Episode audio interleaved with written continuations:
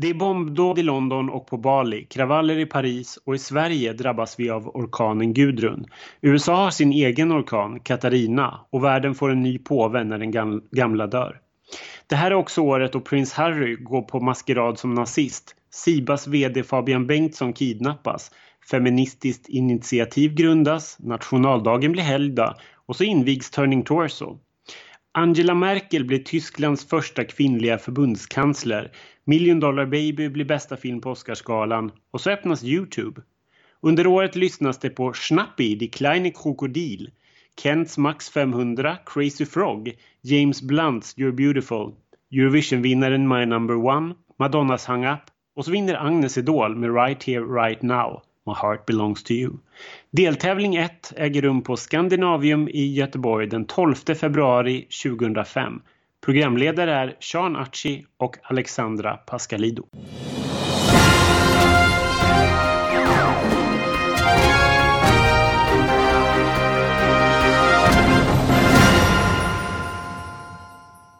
Hej allihopa och välkomna till ytterligare ett avsnitt av QX Schlagerprofilernas podcast. Den här podcasten där vi gräver ner oss i en enda final av Melodifestivalen eller som i det här avsnittet en enda deltävling. Och vi som är vi, vi är fortfarande Ken Olausson och Ronny Larsson. Ronny Larsson.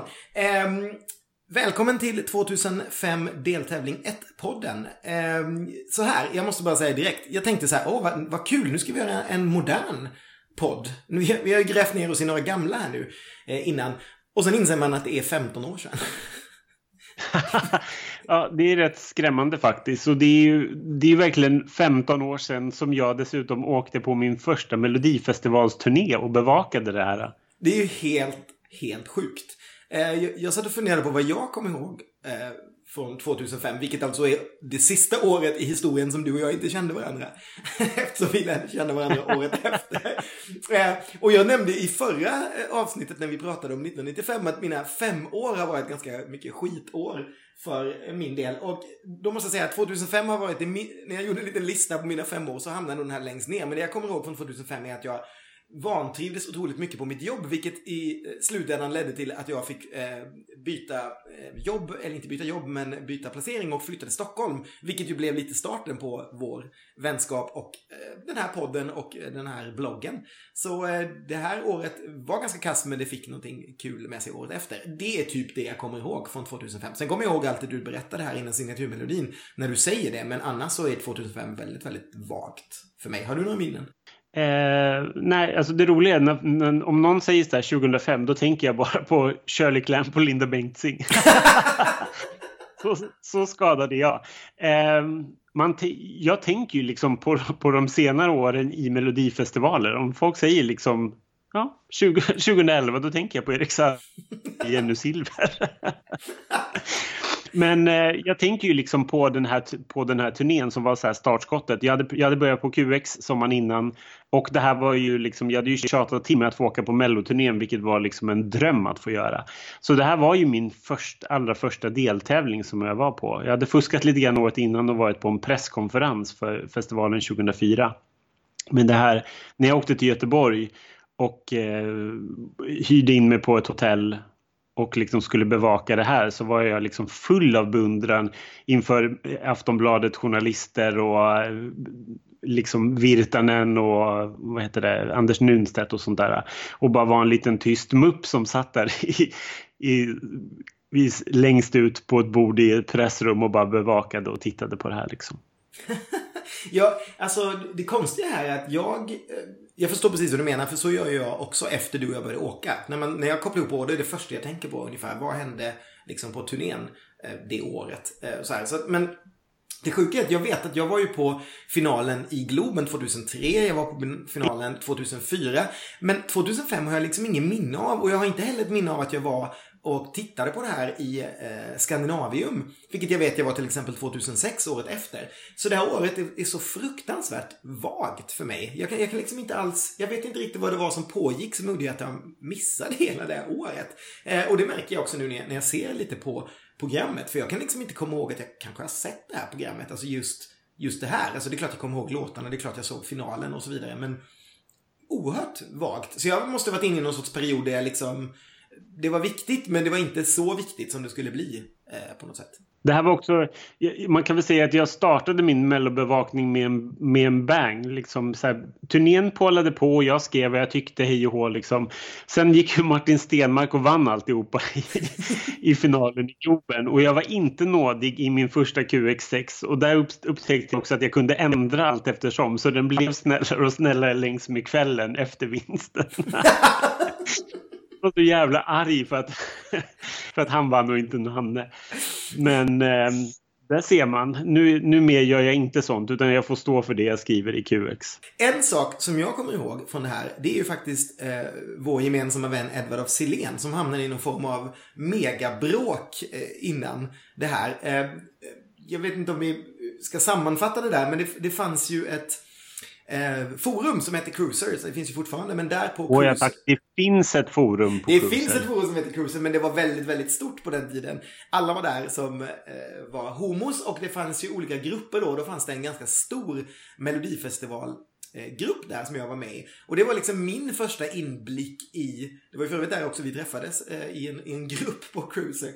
Eh, men ehm, eh, det var min första liksom inblick i män, med människor som jobbade med det här. För Edward var ju också med i den här eh, ganska slutna gruppen då. Fast det var ändå ganska mycket människor. Och råkade väl där skriva någonting eftersom det var en diskussion huruvida Pernilla Wahlgren eller då Linda Bengtzing skulle göra alla flickor. Jag vet inte om vi ska hur mycket vi ska grotta ner oss i det här nu eller om vi ska ta det innan, eh, innan låten.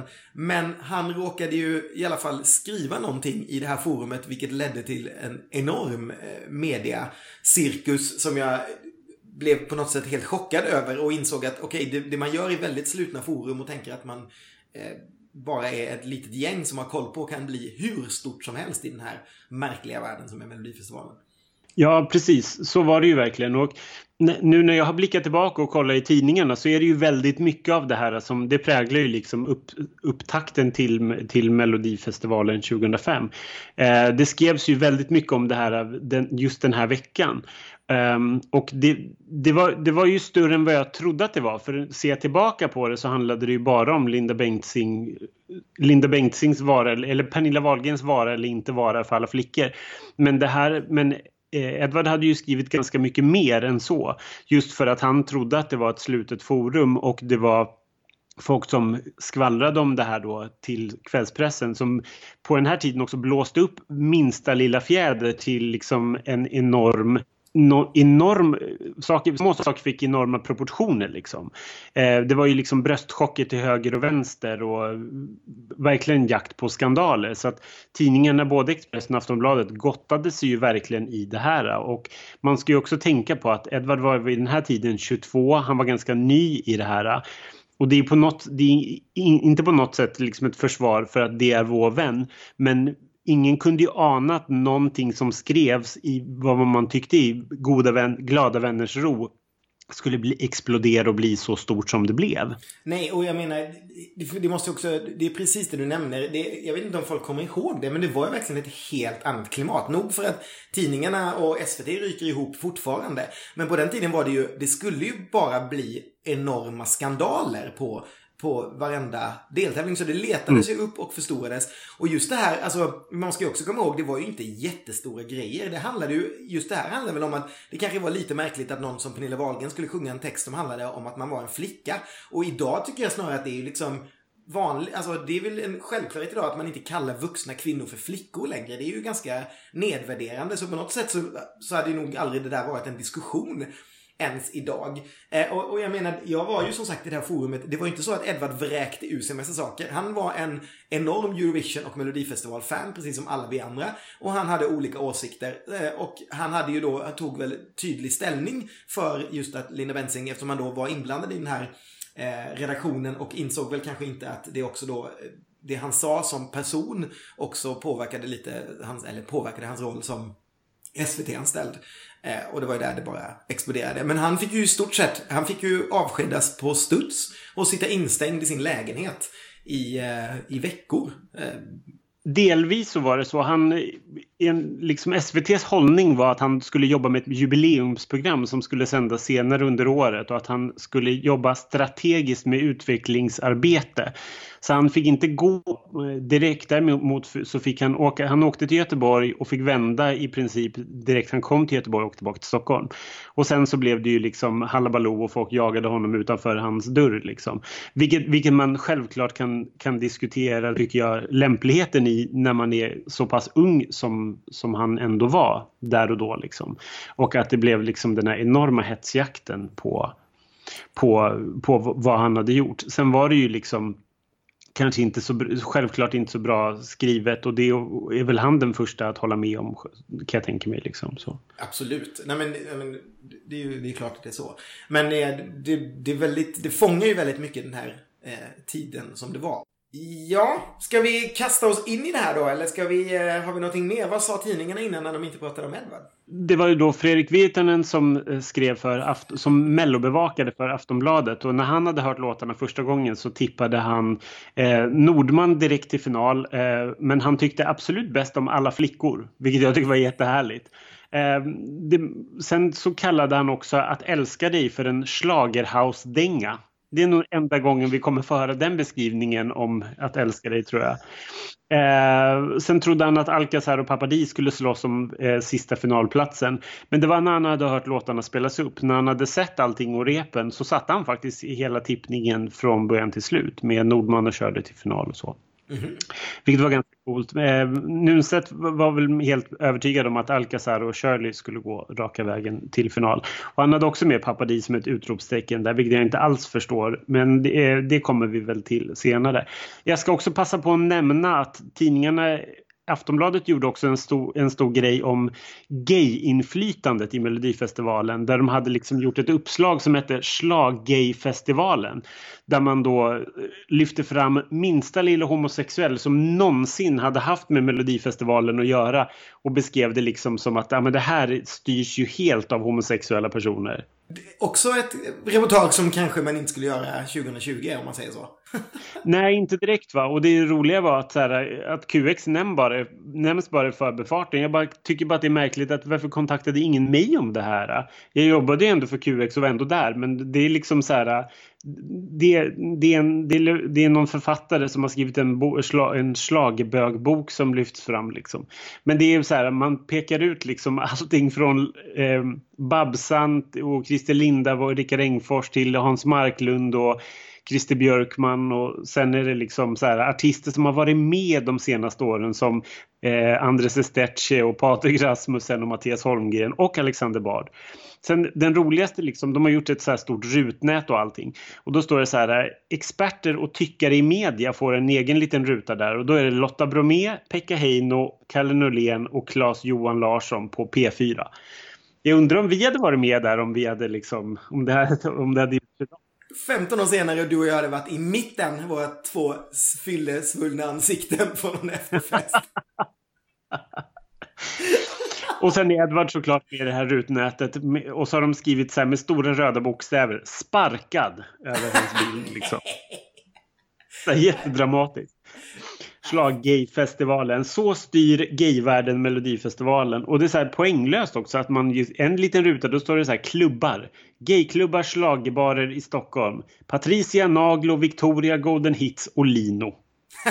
det var liksom så här riktig kartläggning av hur bögarna styr allting. Och var de finns någonstans liksom. Det känns så jävla mossigt bara när man, gör, när man läser det.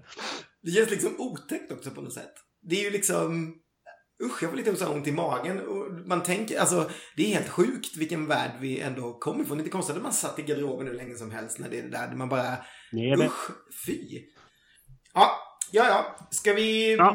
lämna det och eh, börja med en bög? För det börjar ju faktiskt med Christer Björkman här i trappan på Skandinavium. Man, jag, jag, jag har lite glömt bort hur mycket han var med i början. Eller hur han liksom etablerade sig som Mr Melodifestivalen. På något sätt. Um, för, för här står ju han i början i trappan och liksom pratar om om hur han tänkt. Alltså så här, allt det här som vi så här slager eh, nördar vill veta nu liksom. Hur har du tänkt när du satte upp det här? Då, står han där och pratar om liksom att det finns någonting för alla och det är de här genrerna som är här och bla bla bla. Jag tycker det här är någonting han kunde få göra i slagstudion varje lördag innan vi, innan programmet går liksom. Verkligen, det vore jätteroligt. Men det är, det är verkligen jättekul att han är så himla stolt över så här, den enorma bredden. För, för mig är liksom så här, ja men allting är ju typ schlagerpop. mer eller mindre. Men det är så här, vi har en större musikalisk bredd än någonsin. Det är electroclash, etno, det är pop, det är slager. Det är liksom, det var verkligen allt. Och sen så kommer man ju till det här lite senare då att det finns att det är så många representanter från olika länder dessutom som är med som har liksom påbrå från allt ifrån Ghana till liksom Storbritannien och USA. Eh, vi kan väl också passa på att nämna att det var 3331 som ha, bidrag som hade kommit in det här året. Nytt för det här året var ju också att, vi, att det fanns en specialjury eh, som SVT då hade tagit in med fem personer som, som rörde sig, som jobbade med musik. Som fanns där för att plocka med två egna, final, plocka med två egna finalister. Mm. Men det här var ju rätt poänglöst visade det sig för att eh, Christer då försvarade det här med till en början om att man hade tagit med de här för att vissa låtar tog längre tid att sätta sig och då, skulle, då för, tyckte han att de förtjänade en, en, en till chans. Då. Men de, den här specialjuryn skrotades efter två program för att juryn hade tagit med exakt samma favoriter som svenska folket hade gjort. Jag undrar lite vad det var som var upphov till det, om det var någonting året innan. Det brukar alltid vara så att det är någonting året innan som man reagerar på. Ja, jag, när, jag läste, när jag läste en artikel i en av tidningarna så, så fattade jag som att det var lite grann Shirley Clamps eh, framgångar året innan då. Att hon hade bara gått till Andra chansen med Min kärlek. Och sen hade den gått därifrån och sen blivit total tvåa. Mm. Och det var väl tanken då att man inte skulle missa nu löste det sig i alla fall men att det, det, de, den typen av låt, att det, då såg man kanske inte det som något positivt att de kunde gå via andra chansen och sen lyckas så bra utan då tänkte man mer negativt att säga, ja men varför tog inte folk vidare den, den från början istället? Ja det är sant. Eh, samtidigt så jag menar med det systemet de införde här så var det väl som jag förstod var det att de tog vidare två stycken till de fem. Eh, och jag menar det behöver inte betyda att de inte hamnade i andra chansen i alla fall då så att det löste ju egentligen inte det problemet heller, mer än att man fick höra dem lite mer. Nej, precis. Det hade man ju ändå fått göra med Shirley. Eller det, jättekonstigt liksom. Eh, halvmesyr. Mm. En grej som jag råkade trilla över här om jag förstod allting rätt här. Det är att Jo visst, de, den här specialjuryn plockade vidare två stycken eh, från varje deltävling då som, som gick vidare till, till den andra omgången. Men eh, tydligen i andra chansen så skulle en av kandidaterna ha valts av tittare och en skulle ha valts av den här hemliga juryn. Mm -hmm. Okay. Men det hände ju aldrig med, med tanke på att den skrotades då liksom och tittarna fick hela makten. Ah, ja. Men men. Men ja. men. Eh, efter Christer Björkman så kommer introt och det är ju vi känner väl de flesta till eller kommer ihåg. Jag får alltid lite rysning av det där fast jag tycker nog att det vi har nu är ännu bättre. Ger mig ännu mera eh, små rysningar. Och sen är det någon märklig flaggparad med romare och europeiska flaggor som jag inte... De, jag vet inte riktigt, men jag tror att de vill ha en ganska, de vill ha en Eurovision-känsla på det här, vilket jag tycker är ganska häftigt. För det tycker jag genomsyrar hela deltävlingen, att det är väldigt mycket snack om Eurovision och det här ska till Ukraina och så vidare och så vidare. Och den, den har ju du och jag pratat om att man kan tycka att det saknas och det har vi väl pratat med eh, SVT också om och de säger att nej men det är först i finalen man ska tänka Eurovision, fram till dess så ska man mera tänka Melodifestivalen. Men här är det ju inte så, här är det ju fullt speta på liksom, det är EU-flaggor och det är alla möjliga flaggor och sen kommer programledaren in även om de gör något sånt här fånigt skämt om att oj, nej men det här blev inte rätt och så gör de så här backa bandet och så har de spelat in det innan och backar och sen kommer de in i en liten meningslös dans vurpa. Eller något. Mm. Um, det här var också ett år där det var olika programledare varje vecka. Och det vi bjöds på här i Göteborg som sagt var ju då Alexandra Pascalido och Sean Achi. Det är inte två helt moderna namn idag kan man ju säga kanske, eller? Nej, inte direkt. Det, på något sätt så stämmer det väl väldigt väl överens med den här satsningen som SVT verkade gå in för 2005. Att det skulle kännas väldigt internationellt, brett och eh, att det fanns någonting för hela Sverige liksom. Mm. Eh, för man hade de här då, en grek och en kurd i första programmet och sen i program två så var, var det ju Henrik Schyffert som eh, byxlös indian, eller det var väl var det han som var indian? Jajamän. Mm.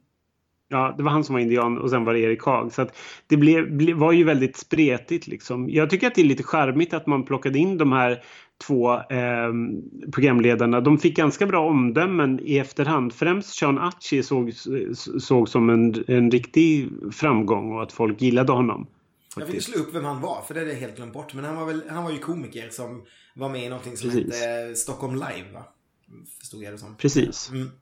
Pascalido är väl fortfarande lite i ropet, men jag måste säga att hon tappade allting för mig efter, som, efter hon var så här utfrågare under Eurovision 2013 i Malmö. För jag tyckte att det var fullständig katastrof. Så sen dess har jag aldrig riktigt kunnat ta henne på allvar, förlåt. Jag tyckte hon var så dålig då. Eh, mm. Så det är typ det enda jag kommer ihåg eh, av det där. Plus här har hon ju någon sån här härlig cultural appropriation klänning. Hon ser ut som en eh, sydamerikansk ursprungsbefolkning.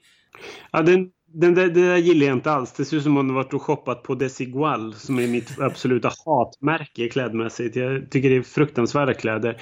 Um, jag, Sean är, är ju rätt hack hackig tycker jag. Jag tycker inte alls att det flyter speciellt bra.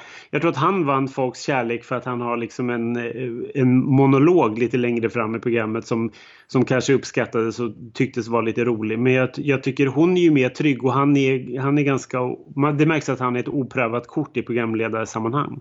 Ja, och jag tycker också att manuset är ju ganska platt rakt igenom eller, eller nej, kanske inte, nej, manusen är inte platt men de har väldigt svårt att leverera manus. För det är något så här, de, de drar ju någonting om att det är väldigt internationellt och börjar rabbla massa länder och så lägger de till Gotland, vilket känns väldigt Edward af Sillén. Och det bara faller helt platt. Det är liksom, de kan inte leverera det och det blir alldeles tyst. Så det, är, det är så här mm. jätte, jättekonstigt. Um, ja, jag, jag tycker också att det genomgående känns ganska stelt, typ. Och någonting annat som är, som är stelt och hackigt det är ju de här fruktansvärda vykorten. Precis, för eh, programmet gör igång ganska fort och det här, det här är tidigare så att nu kör vi finns inte, det reagerade jag på. Utan nu, det är någonting, nu är det dags att dra igång Melodifestivalen. Man bara, vänta nu, när, när kom nu kör vi? Okej, okay, det är vi i alla fall borta. Men precis som du säger, sen kommer låtarna och ja, vad vill, vill du säga något om de här vykorten? Ja, det, men det är ju vem kom på den här fruktansvärda idén där artisterna ska prata om de andra artisterna? Och så ska de dra så här menlösta fakta att så här, jag har hört att hon gillar varmkorv eller så här, hon har massor med höga klackar i garderoben. Mm, vet du förresten att hon samlar på katter med, hög, med lång hals? Typ så. Det är så fruktansvärt, det är så, det är så larvigt bara tycker jag. Och så ska de här artisterna liksom sitta och typ så skvallra lite grann om, dem, om sina medtävlanden. Det här tycker jag är en av de sämsta idéerna när det gäller vykort på senare år. Ja, framförallt eftersom artister inte heller kan leverera manus på det sättet. Så liksom, det här är ju obviously skrivet till dem. Det är ju inte så att de har fått ett papper och så ska de försöka säga någonting naturligt. Det går ju sådär. Och speciellt då när PayTV är där som samtidigt ska försöka spela någon form av, av roll. Det, det blir mm. otroligt märkligt. Eh, alltihopa. Green Room finns ju, där sitter låtskrivarna och det, det, det är ju lite kul att de rabblar lite innan vad de har gjort. För här får man ju till exempel reda på att Anders Hansson debuterar som låtskrivare i Mello då med, med första bidraget. Eh, och vi kanske ska vi hoppa in på första bidraget eller? En, en grupp som Absolut. Sean Achi presenterar som Alcastar. Men det är ju alltså låten som heter Alcastar. Artisten är Alcazar och den är skriven av Niklas Edberger, Johan Fransson, Tim Larsson, Tobias Lundgren och då Anders Hansson.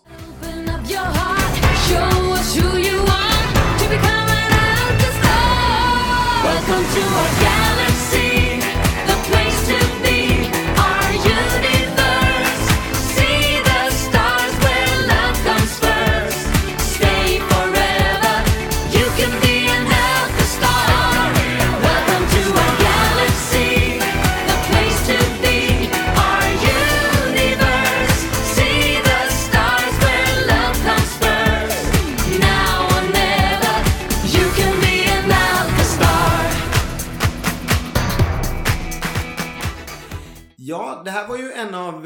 jokrarna. Eh, eftersom man hade ju fyra jokrar, en i varje deltävling på den tiden. Jag älskar diskokulan. Jag tycker den håller lite fortfarande. Jag tycker den är nästan lite mäktigare än Blame It On The Disco, diskokulan. Eh, även om den var lite coolare som kom ner från taket. Ehm, låten tyckte jag väl var jättebra då. Jag tycker också att den är bättre än Nottesinne nu för tiden. Det tyckte jag kanske inte då. Så just då tror jag kanske att jag var lite besviken. Men Alcazar var ju ändå eh, stor favorit hos mig. Däremot de här kläderna kan vi diskutera. Alltså att Magnus Carlsson ser ut som någon sorts eh, rymdsköldpadda.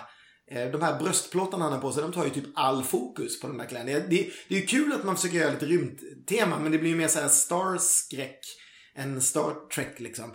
De är ju mycket, mycket snyggare i finalen, men det ska vi inte prata om nu, för den ska vi väl prata om en annan gång. Jag gillar hela den här uppsättningen, jag gillar den här Alcazar 2.0 eh, med Magnus i, eh, i gänget. Härligt.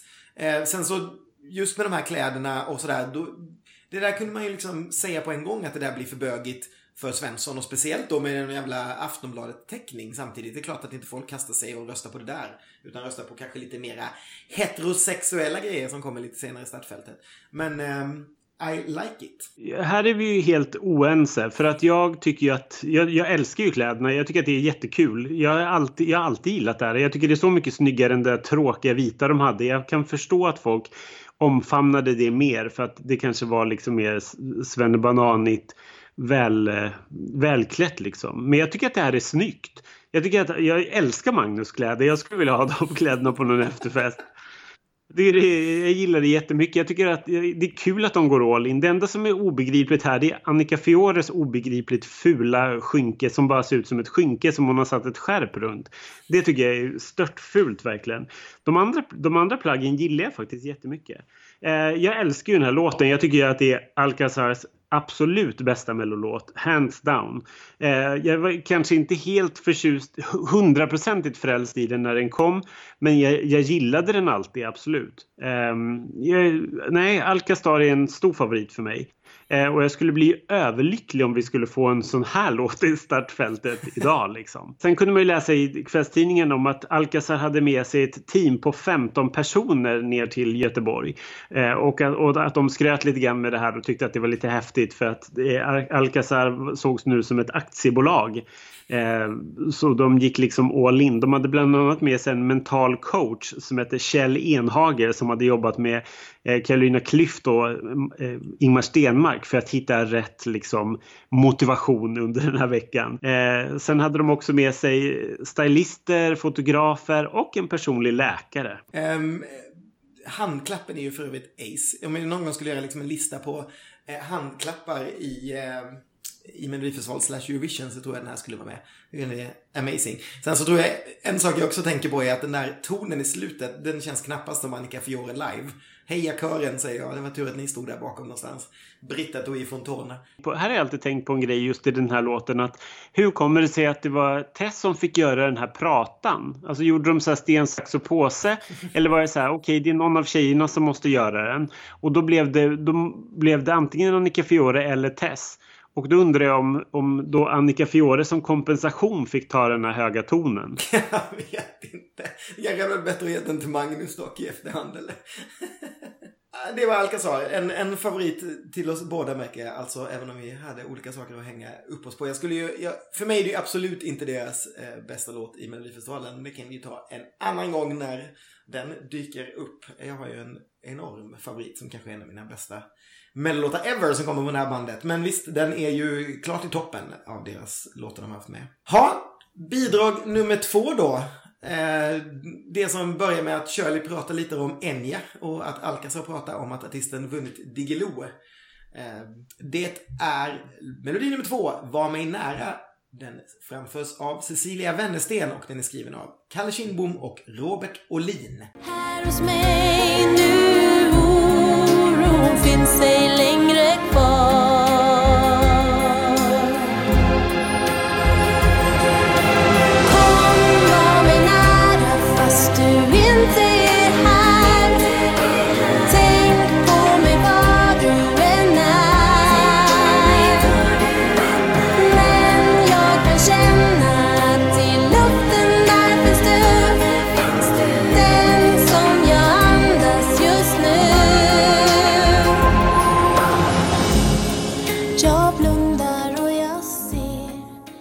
Den här låten tycker jag faktiskt är en lite underskattad eh, pärla. Jag tyckte att det här är ju en tung deltävling måste jag säga. Så att jag, jag tycker att helt rätt låt gick vidare i slutändan. Eh, men jag tycker att den här är, är, faktiskt ganska fin. Och Jag tycker det är en helt rimlig låt att komma tillbaka till för Cecilia Wennersten. Men den drunknar ju lite grann i, i allt det här och speciellt som liksom nummer två i första deltävlingen när folk vill ha liksom bomber och granater och känna att nu är det Melodifestival. Eh, så det tycker jag är lite synd. Jag tycker att den är den har en fin melodi. Sen kan vi passa på att tillägga då att eh, en av låtskrivarna ska ju vara med i Melodifestivalen 2020. Eh, Robert Olin är ju faktiskt med i Drängarna. Precis. Jag håller med dig helt. Det här är underskattat som fan, måste jag säga. Speciellt nu när jag såg om det så tyckte jag det var ännu mer underskattat faktiskt. Sen är det för mycket rök, för stackars Cecilia försvinner ju. Men hon, jag tycker att hon, precis som du säger, det är en otroligt rimlig comeback. Hon är skitsnygg tycker jag också. Så här, rött hår mot grön klänning, sjunger fantastiskt. Jag undrar om det på något sätt det här kändes mossigare då än vad det gör nu. För nu tycker jag det liksom, nu skulle jag vilja säga att det är mer så här tidlös melodifestival, ballad. Och jag tycker, när jag säger ballad så tycker jag ändå det är ganska bra tempo i den. Att den är liksom, det, det finns någonting i den som jag verkligen, verkligen gillar. Och visst, jag röstade inte då. Jag röstade på Alcazar och på Shirley och så vidare. Men det är ju helt sjukt att det var typ 5000 personer bara som röstade på den här och att den kom sist. Det tycker jag är helt orimligt. Så någon gång när vi ska rösta på de där sista platserna så ska den här fan till final med Dilba och Verona och gänget.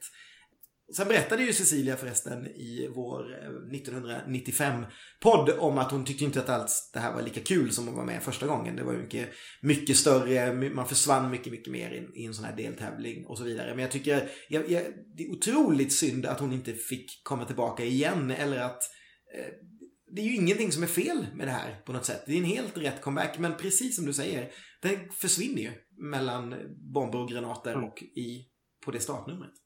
Den hade ju, det skulle vara intressant att se vad som hade hänt om den hade varit liksom lite senare, om den hade varit deltävling 3 eller 4 eh, till exempel. Det är ju ändå rätt, det är ju en, en, ändå en väldigt bra tanke tycker jag av SVT att plocka med Cecilia Wennersten tio år efter att hon slog igenom med Det vackraste. Eh, tyvärr så blir det ju verkligen, som vi nu har konstaterat, en comeback där luften verkligen bara pyser ut liksom. Mm. Men jag, tror definitivt att man kan skylla det på, på placering och, och tänk här. Den skulle liksom legat mm. precis som eh, Sonja Aldén gjorde liksom 2007. Alltså så här deltävling 3 lite senare när man har liksom fått in alla bomben och lugnat sig lite och börjat tänka lite på eh, vad som finns. För jag tycker verkligen att det är en så fin låt. Ja. Ja, då går vi vidare till Bobby Ljunggrens 19 låt. Eh, får vi reda på innan. Vi får också reda på att Shirley tänker på Jamaica och att Nordman toastar varje morgon. Eh, låt nummer tre heter nämligen My Number One. Den framförs av Papadi och den är skriven av Papadi, Marcos Obeda och Bobby Ljunggren. Tell me why I wonder why we just can't get along My baby Wanna try, cause you're my number one. Yeah. I know why you feel how you feel, but this time I know it's for real. Try, I wanna try, cause you're my number one. Yeah. But baby,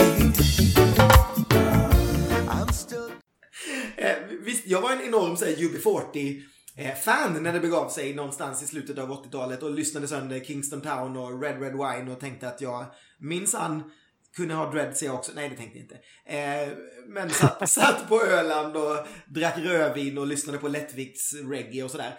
Men det här, alltså, det här är ju bara blekt. Och sexa liksom, really. Det här borde ju kommit sist istället för eh, Cecilia. Det, och, det klarar sig ju med nöd och näppe med det här Kören leker band. För de har ju tagit in ett, ett riktigt band då inom citationstecken här. Men Johan Rör får stå till vänster och låtsas reggae-gunga på en låtsasorgel. Vilket är jättekonstigt. Nej, det här gillar jag verkligen inte alls. Jag, jag tycker det här är total waste of space för min del. Ja, jag, jag håller helt med. Jag förstår tänket. Alltså så här, Papadi var ju en, är ju ändå ett namn. Eh, så att jag förstår att man tar in honom till Mello. Jag tycker bara att det är synd att man slarvar bort det med den här typen av, av låt. Den, är bara så här, den bara puttrar på liksom. Inte ett sägande här med Simone Moreno som är med på scenen och jazzar loss.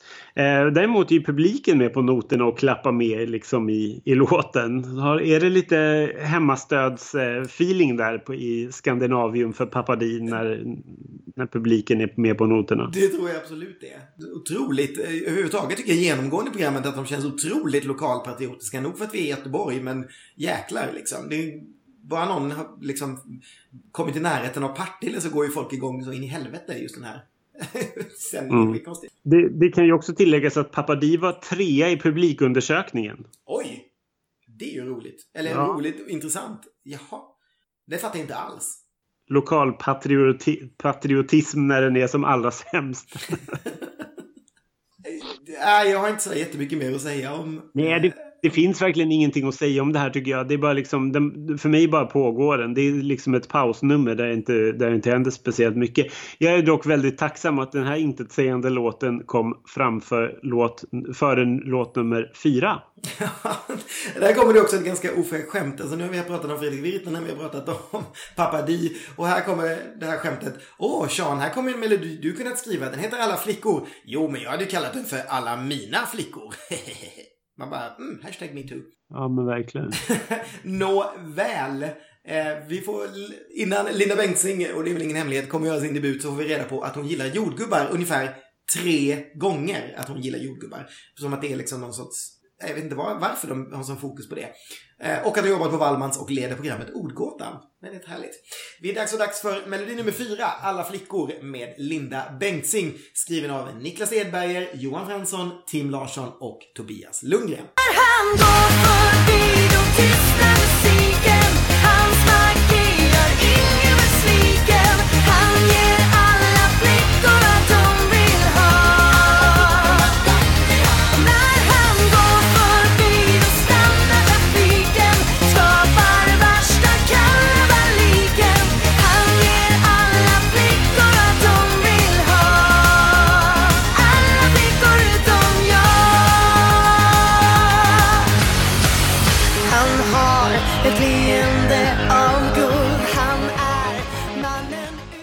Men alltså hur mycket älskar inte jag den här låten? Eh, det roliga var att jag, Linda, Linda var ju med i Fame Factory eh, strax innan det här. Och hon, eh, hon ledde ju som sagt ordjakten i TV4 där jag också hade varit med. Oj! Och tävlat. Eh, så att jag hade ju träffat Linda inom det här. Men alltså det roliga var att jag var inte så här superfan kanske av låten där och då. Jag var nog mer, jag, jag hade föredrog nog Shirley framför det här. Men alltså i efterhand så jag älskar verkligen alla flickor. Jag tycker, jag tycker att det är Lindas absolut bästa mellolåt. Jag, jag tröttnar liksom inte på den. Jag tycker att den är jätte, jättebra. Jag älskar, klä, jag älskar allt med det här. Eh, förutom att hon kanske är lite skrikig. Det är lite mycket, hon är lite övertänd liksom. Eh, men det kan man ju också skylla på att hon var väldigt sjuk där och då. Hon kanske inte visste hon, hur hon skulle hushålla med energin. För hon hade ju liksom, ja, om jag inte minns fel så gick hon och typ, hon spydde och mellan liksom eh, fram, efter framträdandet så att hon var ju riktigt dålig. Eh, men jag tycker att hon levererar ändå rätt bra. Sen är det ju, sen är det ju Linda i sitt esse liksom när hon bara hon ramlar till och det är liksom så här, som sagt lite skrikigt och det är liksom all over the place. Men jag tycker att det händer ju verkligen någonting här. Det, det, är en, det är en grym slager tycker jag. Det är härliga kläder som man verkligen kommer ihåg. Och kören är med på, på tåget och liksom jazzar loss i bakgrunden så hon sjunger mot och med dem. Liksom. Jag tycker att det här är superhärligt. Det här tycker jag är ett genombrott som heter duga. Linda, välkommen till mellovärlden. Kören är ju fan fab här. Om vi ska nämna dem någon gång så är det väl här. Alltså, och det är ju en sån klassisk mellokör också av DN Norberg, Britta Bergström, Martin Kagermark, eh, Velvet, eller Jenny Pettersson då, och Johan Rör. Det känns som liksom den så här klassiska uppställningen. Men här tycker jag, alltså, här, här blir det verkligen någonting magiskt. Vi har ju klagat massa gånger så kan det bli mossigt så här med kören på scenen. Och det blev det ju många gånger i många nummer. Men här tycker jag verkligen mm. att det ger ja men här är det precis rätt på någonting, eh, på något sätt. Det är ju verkligen ett legendariskt bidrag. Sen, jag var inte en enorm fan då och jag håller, till skillnad från dig så håller jag inte den som Lindas bästa. Jag tror, om jag vågar säga det här, kan, jag tror inte ens det är min topp tre eh, av Linda-bidrag. Den listan kan jag göra någon, någon annan gång. Men, eh, Men jag, jag, är, jag är nog ganska säker på att jag har tre låtar jag tycker är bättre. Den här är nog på, på fjärde plats.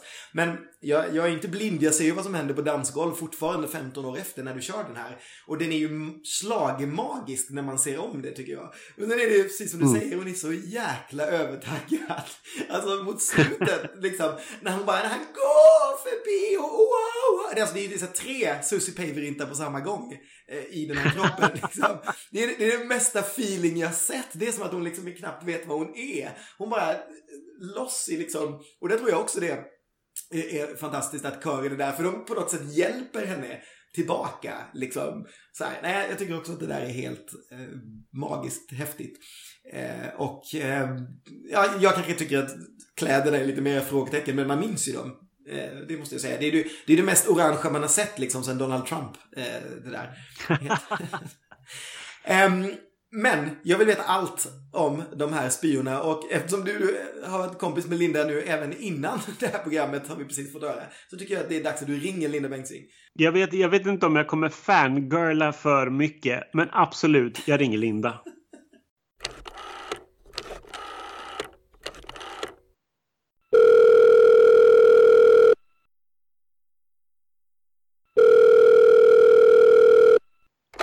Linda? Hej Linda, det är Ronny. Du, jag, jag, tänkte att jag börjar på en gång. Fråga om 2005. Mm. Hur kom du med 2005 ja. och hur kom alla flickor till dig? Ja, jag har ju blivit lite enlightened där. Jag har fått veta att vi var en mängd artister som provsjöng det här. Men, mm. men eh, så plötsligt så fick ju Bert Karlsson en strålande idé. Om jag hotar Linda Bengtzing och säger att om inte du är med i Fame Factory så eller om du är med i Factory så får du alla flickor. Den idén kom han på. Och jag köpte väl typ den.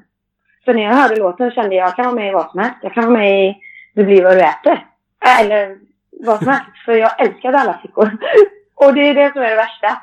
Att när man får en låt spelad för sig som man sen tävlar om med andra. Det blir inte roligt. Det blir som två tävlingar. Mm. Men låtskrivarna kämpade stenhårt för mig och Bert också. Så det blev jag till slut. Av någon konstig anledning. Det blev ju en rätt stor diskussion, eller det var en stor, ja, ett stort snack där i tidningarna om just det här.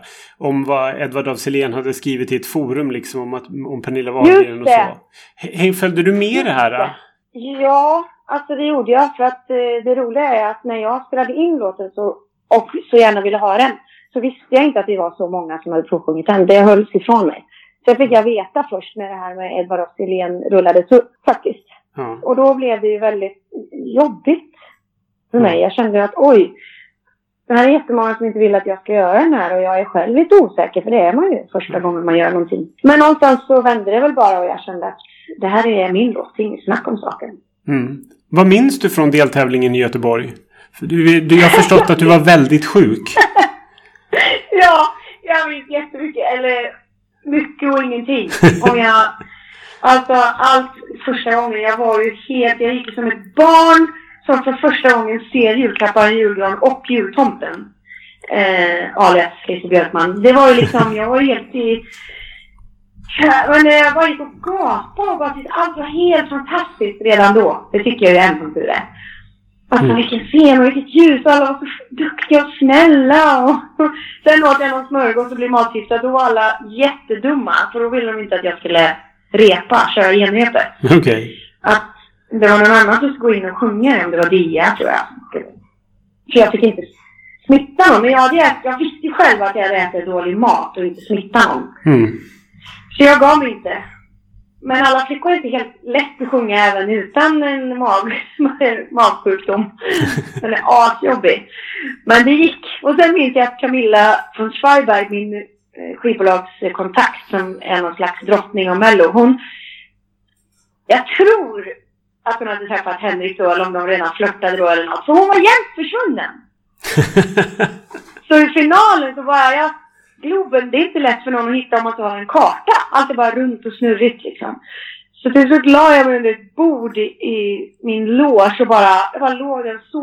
Jag var helt ja, förvirrad och sov lite bara. Okej. Okay. Jag. Eh, ja. du nämnde lite grann att den inte är den är inte så lätt att sjunga. Eh, du har väldigt Nej. mycket energi i alla fall när du framför den i deltävlingen. Och du snu- snubblar nästan till och liksom... Gick du Mm. verkligen in, du gick in och gav allt? Ja, alltså med den låten så var det inga mellanting. Det gick inte att gå in där och vara någon slags cool. Mm. Alltså på riktigt. Allt eller inget på något Mm. vis.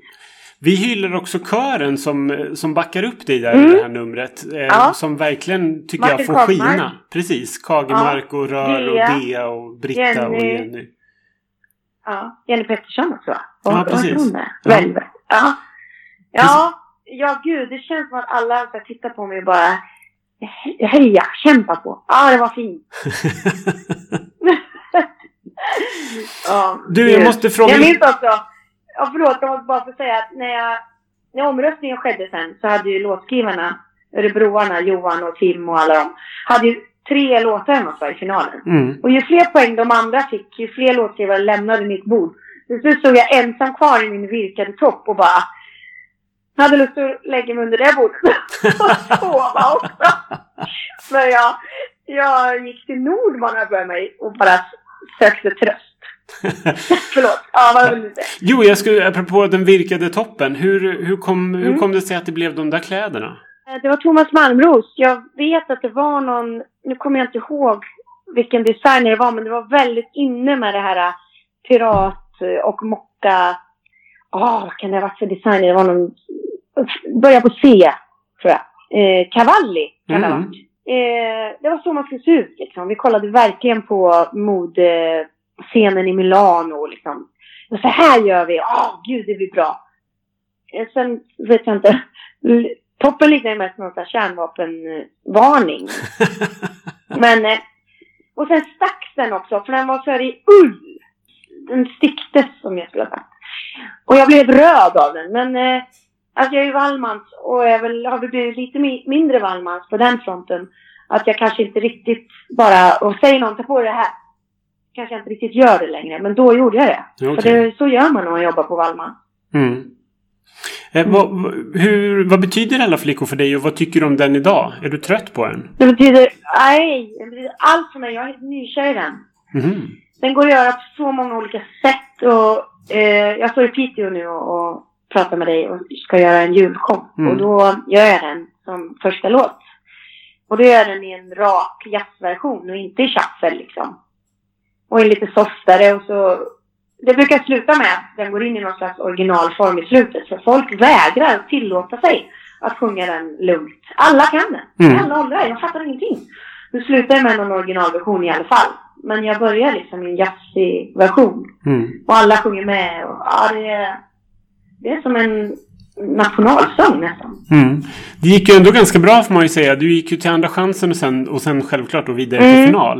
Eh, men du ser inte Mm. så glad ut när du får reda på att du går till andra chansen. Var det en besvikelse? Jag fattar, alltså jag fattade ju ingenting. Överhuvudtaget det där året. Allt var ju nytt men jag fattade inte hur viktig och bra andra chansen är dessutom. Nu är det nästan dit man vill gå. Eller man vill gå via andra chansen för Mm. det vinner man ju på. Mm. Men eh, jo, jag blev säkert lite besviken. För att det är klart man vill vinna. Mm. Och sen har jag ju sämsta pokerfacet i världen. Den sämsta förloraren i hela världen. Ja, nu ställer du i alla fall upp för sjunde gången i Melodifestivalen. Solo. Ja. Ja. Ja. Eh, vilket, vilket gör det, det ett slags rekord. För det är ju ingen som har gjort det tidigare i Melodifestivalen. Nej, på olika geografiska platser eller vad det är. Mm.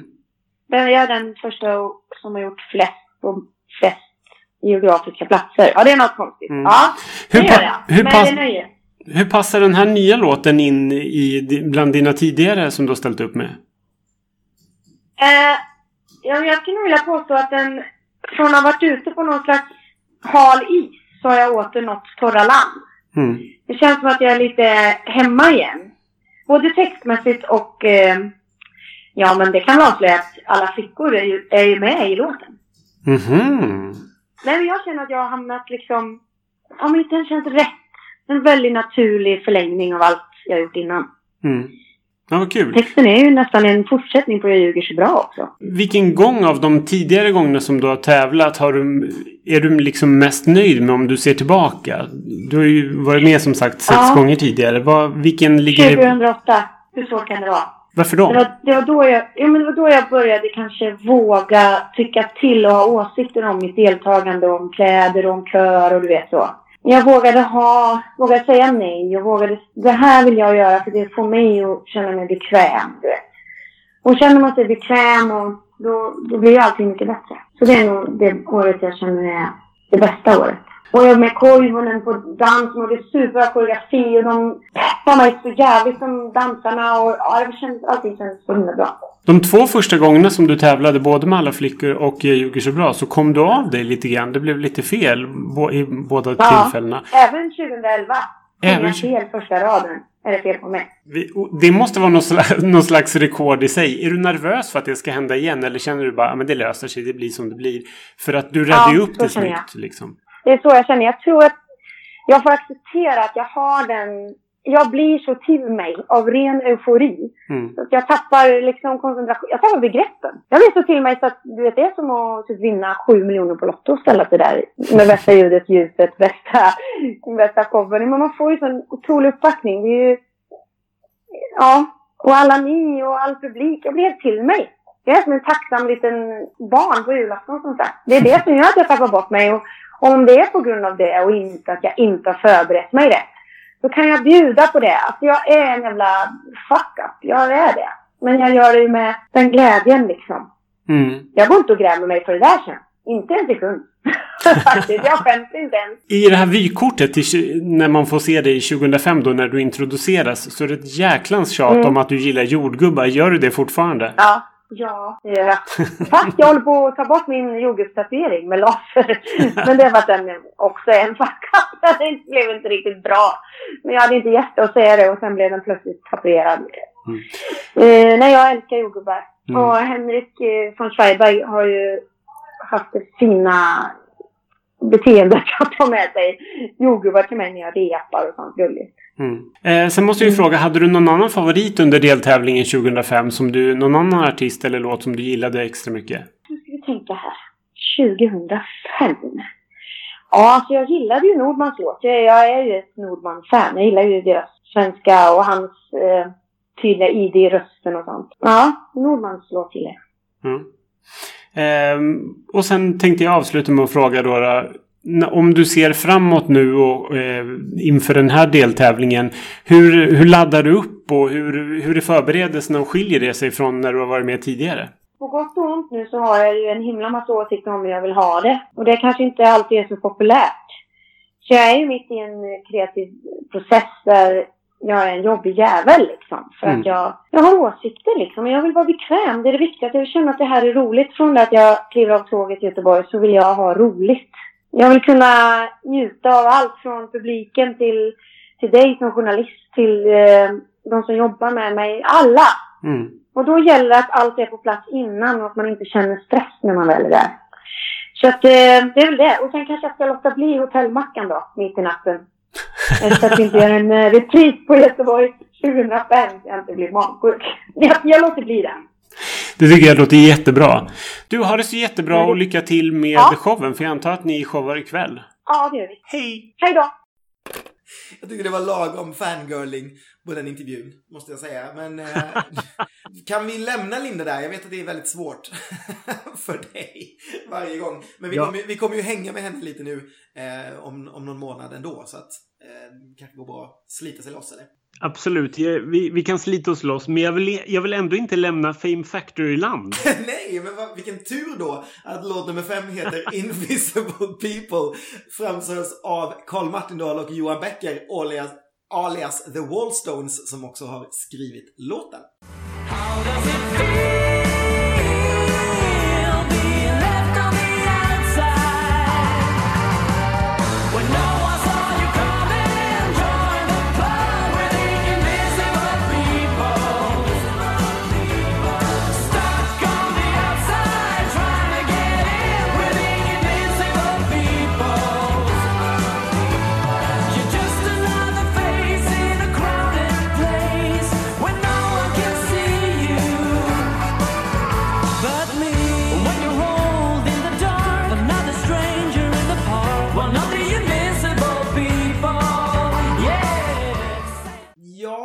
alltså de här hade ju alltså tävlat eh, mot varandra i Fame Factory. Eh, som du sa, de har ju också tävlat mot varandra i Melodifestivalen året innan.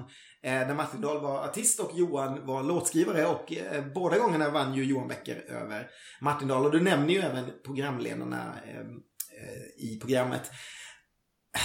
Vad ska jag säga om det här? Mjukis, Beatles, det är så här pubvarianten av Beatles. Beatles för människor som inte har lyssnat på Beatles men tror att de vet vad Beatles är. Eh, och mustaschen på Martin Dahl också. Bara, oh. Jag tycker det är så här överkäckt och för mig helt outhärdligt. Och så här hoppa runt och high-fivea varandra mot slutet. Bara skjut mig. Nej, det här, det här är nog det här är nog sämst skulle jag säga i den här deltävlingen för mig. Jag tycker det här, är, det, här det, det, kanske är mer outhärdligt än dåligt. På något sätt. Det, det är bara liksom... Nej, men nej.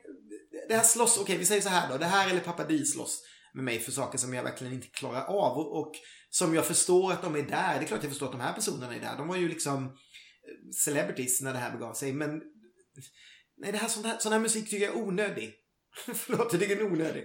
Nej, men jag, förstår, jag förstår precis vad du menar. För det, det är det här vi ofta pratar om när vi har slagit studio ut och är ute på turné. Att ofta är det dåligt är ju så mycket bättre egentligen än menlöst. Och det här är för mig, det är menlöst liksom. Det här är bara, varför är det här med? Vad fyller det för någon kvot? Längtar folk efter sån här musik? Vill de höra sån här musik? Ja, uppenbarligen vill de det på den här tiden för den gick ju i alla fall vidare bland de fem. Men det, det är bara så poänglöst. Det är, det är liksom ingen ja, det är bara ett stort varför tycker jag.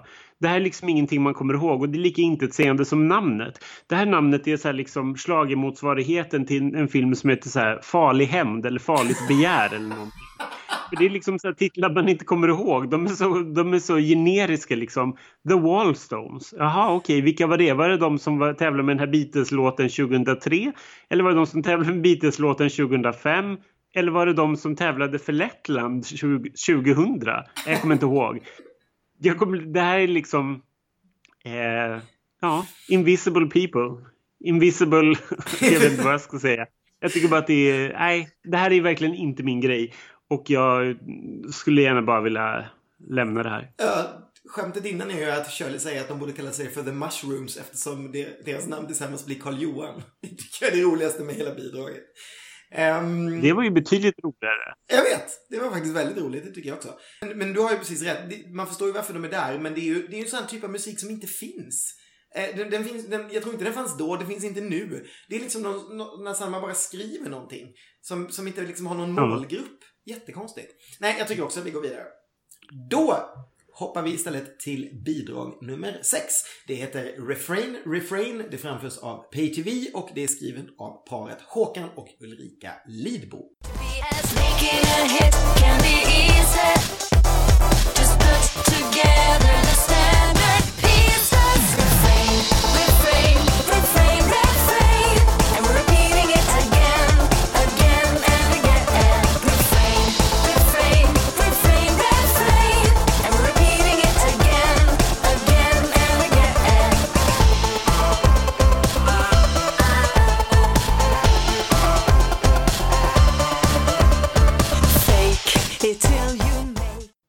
Här vill jag bara säga ett ord och det är skitlåt. Jag hatade den här låten då, jag hatar den fortfarande. Jag tycker det här är hittepådynga verkligen. Jag, enda anledning till att jag kanske... Invisible People är menlös. Det här är bara fruktansvärt dåligt. Eh, ja, nej, jag, jag bara klarar inte av det här. Jag har jättesvårt för deras påhittade personligheter jag tycker att så här, idén, ja jo det är lite kul att man ska sjunga om liksom uppbyggnaden och hur, hur man gör en liksom hur man gör en slager. Men nej, det här det var, det var liksom dåligt med Ann-Louise och Molle i Sluta. Det är dåligt i Refrain, Refrain. Eh, jag hatar det här och det är så rätt att, det, att, den, att den åkte ut. Och här vill jag återigen dra upp Edvard av Silén som jag hade precis börjat bli kompis med då som då skvallrade lite grann för mig och sa att det var en fantastisk låt. Han, jag tror att han till och med benämnde det som en av de bästa och när jag bara hörde det så var jag bara vad är det här för någon smörja? stort hat bara mot det här. Jag var ju, jag var ju en enorm fan av Trendy Discotech som de hade gjort året innan. Vi kan börja där. Jag tycker fortfarande att Trendy Discotech är rätt kul och då tyckte jag den kändes, den var så här ny och icke-mello. Och det var liksom, jag har ju mycket kompisar som lyssnar på tung elektronisk musik och de älskar ju den här. Och eh, Håkan Lidbo var ju liksom verkligen ett namn då. Han kom från ett annat håll, det var inte de här vanliga mello, eh, låtskrivarna och så vidare och så vidare. Och så klippte det här då, som jag väl då tyckte var okej. Okay, men en besvikelse och som jag nu tycker är så fruktansvärt trött och överspelat. Det är så här Alcazar utan hjärta och det, det du nämner med den här texten, jag tycker det är så här, varför, varför ska man skriva en låt i Mello om hur tom hitmusik är? Det är så här, hej glashus liksom, med en påhittad grupp. Eh, det, det, det, blir bara jättekonstigt. Det enda som jag gillar här är typ skärmarna, för de känns, ändå lite, de känns ju väldigt moderna i sammanhanget liksom, eh, om man jämför med hur allting annat ser ut. Men annars så tycker jag att det här är eh, jätte tråkigt. Och visst, refräng kan ju heta liksom refrain på engelska, men vanligtvis så säger man ju chorus. Eh, däremot så brukar man använda refrain mer i det här att man ska avstå eller avhålla sig, alltså verbet refrain. Och det är väl lite det jag känner här också. En intressant grej är ju att slår man upp eh, det här gänget på Wikipedia så står det att Eh, PTV har blivit stora i gayvärlden med sin syntiga trashdisco. Och faktum är att när jag flyttade upp till Stockholm året efter så var ju fan de här vanligare i gay-Stockholm än poppers och klamydia typ. De, de, var ju fan överallt. Det gick ju inte att ha en, en fest utan att PTV var där. Och sen, och ett Pride, jag vet inte hur många Pride som man såg PTV tills till slut liksom inte någon mindes vilka de var. De hasade runt Eh, nej, de kapitaliserade verkligen på det här. För jag kommer ihåg, i och med att jag började på QX 2004, när de då tä hade tävlat med Trendy Discotech så var de på varenda fest under Pride 2004. Och uppenbarligen fortsatte de då 2005 och året efter. Eh, så att de, de, har ju verkligen dragit, eh, liksom kapitaliserat på, på sina två mellolåtar. Vilket man inte direkt kan säga om Ellen Benediktsson.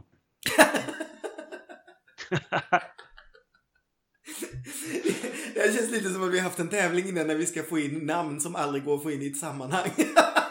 Och nu fick du en poäng för du lyckades få in Ellen Benediktsson helt oväntat. Ja, ska vi lämna eh, PayTV? Jag tycker att om vi någon gång ska prata om PayTV så ska det vara när vi pratar om Trendy Discotheque och inte om den här eh, meningslösa låten som man liksom aldrig hör mera med rätta. Nej, absolut. Den... Vad, vad, som kan nämnas är ju däremot, eh, som vi inte har tagit upp, det var ju att eh, SVT firade ju det här året ett jubileum med Melodifestivalen vilket gjorde att SVT öppnade börsen lite större än tidigare år. Så varje bidrag eller varje artist då fick 50 000 extra att lägga på sitt nummer. Och där kan man väl tänka då att de här tv-skärmarna var en följd av det. Att, man, att PayTV då valde att lägga sina 50 000 på eh, lite kul tv-skärmar. Man kan också säga... Och Alcazar la på, dem på en diskokula. Vad Cecilia Wennersten gjorde för sina pengar, det skulle jag jättegärna vilja veta. en resa till Mallorca veckan efter. eh, Therese Andersson, eller Nina Fatal som hon kallar sig här, kommer ju förresten tillbaka sen i, i festivalen. Medan vi har väl inte sett eh, Claudia Cash eller Chanel Ferrari eh, några fler gånger vad jag kommer ihåg. Men det killgissar jag bara. Ja, faktiskt. Och det gör det. Och jag jag ska eh, killgissa, eller killgissa jag inte, för jag vet, kan tyvärr inte namnen på, på tjejerna. Men en av tjejerna vet jag dansade med Andreas Lundstedt när han gjorde Move Just 2007. Det. De hette Anna Widing och Fatima Edell. Men jag kommer inte ihåg frågan om det, det var, var Fatima. Precis, just det. Exakt. Det har du helt rätt i. Det kommer jag ihåg nu när du säger det. Ja, ja men då tycker jag att vi lämnar eh, dessa påhittade personer mot eh, en återförening faktiskt eh, vid det laget. Eh, det pratar man ganska mycket om eh, innan artisterna dyker upp. Det är ju alltså Nordman och man nämner till exempel att Håkan Hemlin varit lite vilse i skogen ett tag. Det är också ett sätt att säga att han hade varit väldigt dåligt däran i missbruk och så vidare. Ehm, låt nummer sju heter nämligen Ödet var min väg. Den framförs av Nordman och den är skriven av Mats Wester och Danne Atlerud.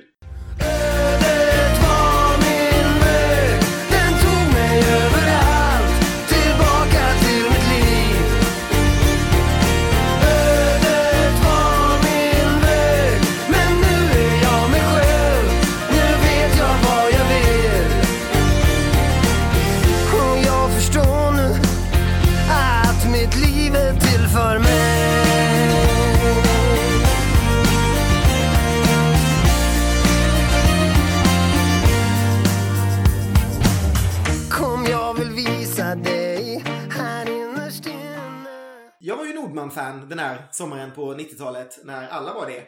Eh, men jag har nog aldrig varit någon fan av Nordman i Mello. Jag har lite...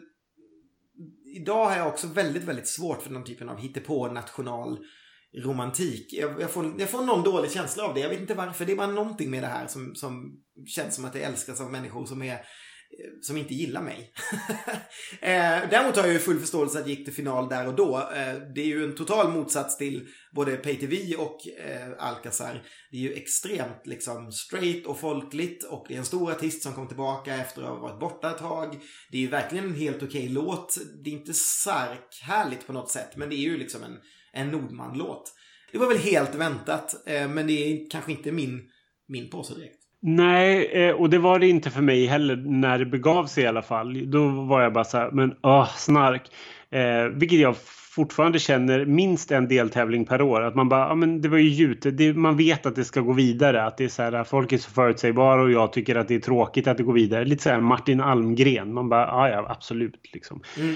Eh, så fick jag nämna honom också. Jag bara smyger in mellonnamn helt oväntat här jag tycker att jag, jag, gillar ju den här. Den här melodin har ju någonting. Eh, jag tycker att den så här, så här ödet var min väg. Jag tycker det är lite så här härligt. Eh, och än en gång så, så kommer jag ut som den, den straight av oss med, med äldre män som sjunger mellolåtar. Eh, jag, gillar, jag, jag, gillar den här, absolut inte på bekostnad av varken, av varken Bengtzing eh, Alcazar eller uh, Shirley. Men uh, jag tycker ju att, vilket jag tycker är helt sjukt, att de tre var med i samma deltävling. jag kan liksom inte komma över det. Du, tänk att 2005 fick vi tre sådana låtar i en deltävling. Nu får, får man inte ens någon som av 28 låtar.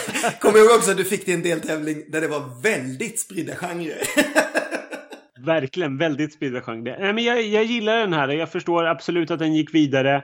Eh, jag tycker att det är en rättvis finalist ändå i slutändan. För jag tycker också att det är kul när så här före det stora namn kommer tillbaka med en rimlig låt och att det går bra för dem. Eh, då tycker jag liksom att så här, lite grann vad jag tycker att Dilba skulle ha gjort till exempel. Att, mm, typ, men här gick det ju liksom bra. Mm. Ehm, så ja, men jag gör en, en tumme upp. Och då har vi bara en låt kvar. Vi har ju nämnt den eh, ganska mycket. Så vi kan ju nämna här innan då att det här blev ju då Bobby Juggens 20 bidrag i tävlingen eftersom man då redan hade nämnt innan att hans 19 var eh, Papa Di. Det här är ju också debut för Sonja Aldén, vilket eh, jag helt hade glömt bort på något sätt att hon var inblandad och att man inte då visste vem hon var. Det, det, det tycker jag är jätteroligt för att eh, Sonja hörs ju väldigt tydligt i låten måste jag ju säga. När man, när man, nu när vi har hört henne under ett par melodifestivaler så, så känner man igen hennes röst väldigt tydligt eh, när man hör det här liveframträdandet. jag måste också säga att jag hade glömt att hon var med på scen. När jag stod och tittade på så tänkte jag oj, är det en man längst ut till vänster? Och sen bara, nej det var Sonja Aldén. Men gud! nej, men, jag skyller på ljuset. Det, faktiskt, det måste jag också säga, det är ganska dåligt ljus i den här, jag vet att du är den som hatar den här ljusonanin som numera påverkar Melodifestivalen. Men här tycker jag att det är mörkt hela tiden. I början så är ju programledarna typ helt, liksom, man ser ju knappt dem för att det är så dåligt ljus. Så jag skyller på det. Det är inte det att Sonja ut som en man, eller om hon vill se ut som en man så är jag helt för det. Men jag tycker bara, jag trodde att det var en kille som stod i klänning längst ut till vänster. Jag tänkte bara, det här var ju progressivt och härligt. Heja Shirley. Men det var Sonja Aldén. Nåväl, eh, eh, vad vet vi om Shirley då? Vi vet att hon är vattuman och att hon varit elefant i en Kinderägg-reklam. För det säger de nämligen i vykortet innan. Och också säger någon att hon är det roligaste från Borås, vilket jag tycker är väldigt kul också. Det här handlar alltså om bidrag nummer åtta. Den heter Att älska dig. Den framförs av Shirley Clamp och är skriven av Shirley Clamp själv. Sonja Aldén, Bobby Ljunggren, Henrik Wikström och Robert Olausson. Att älska dig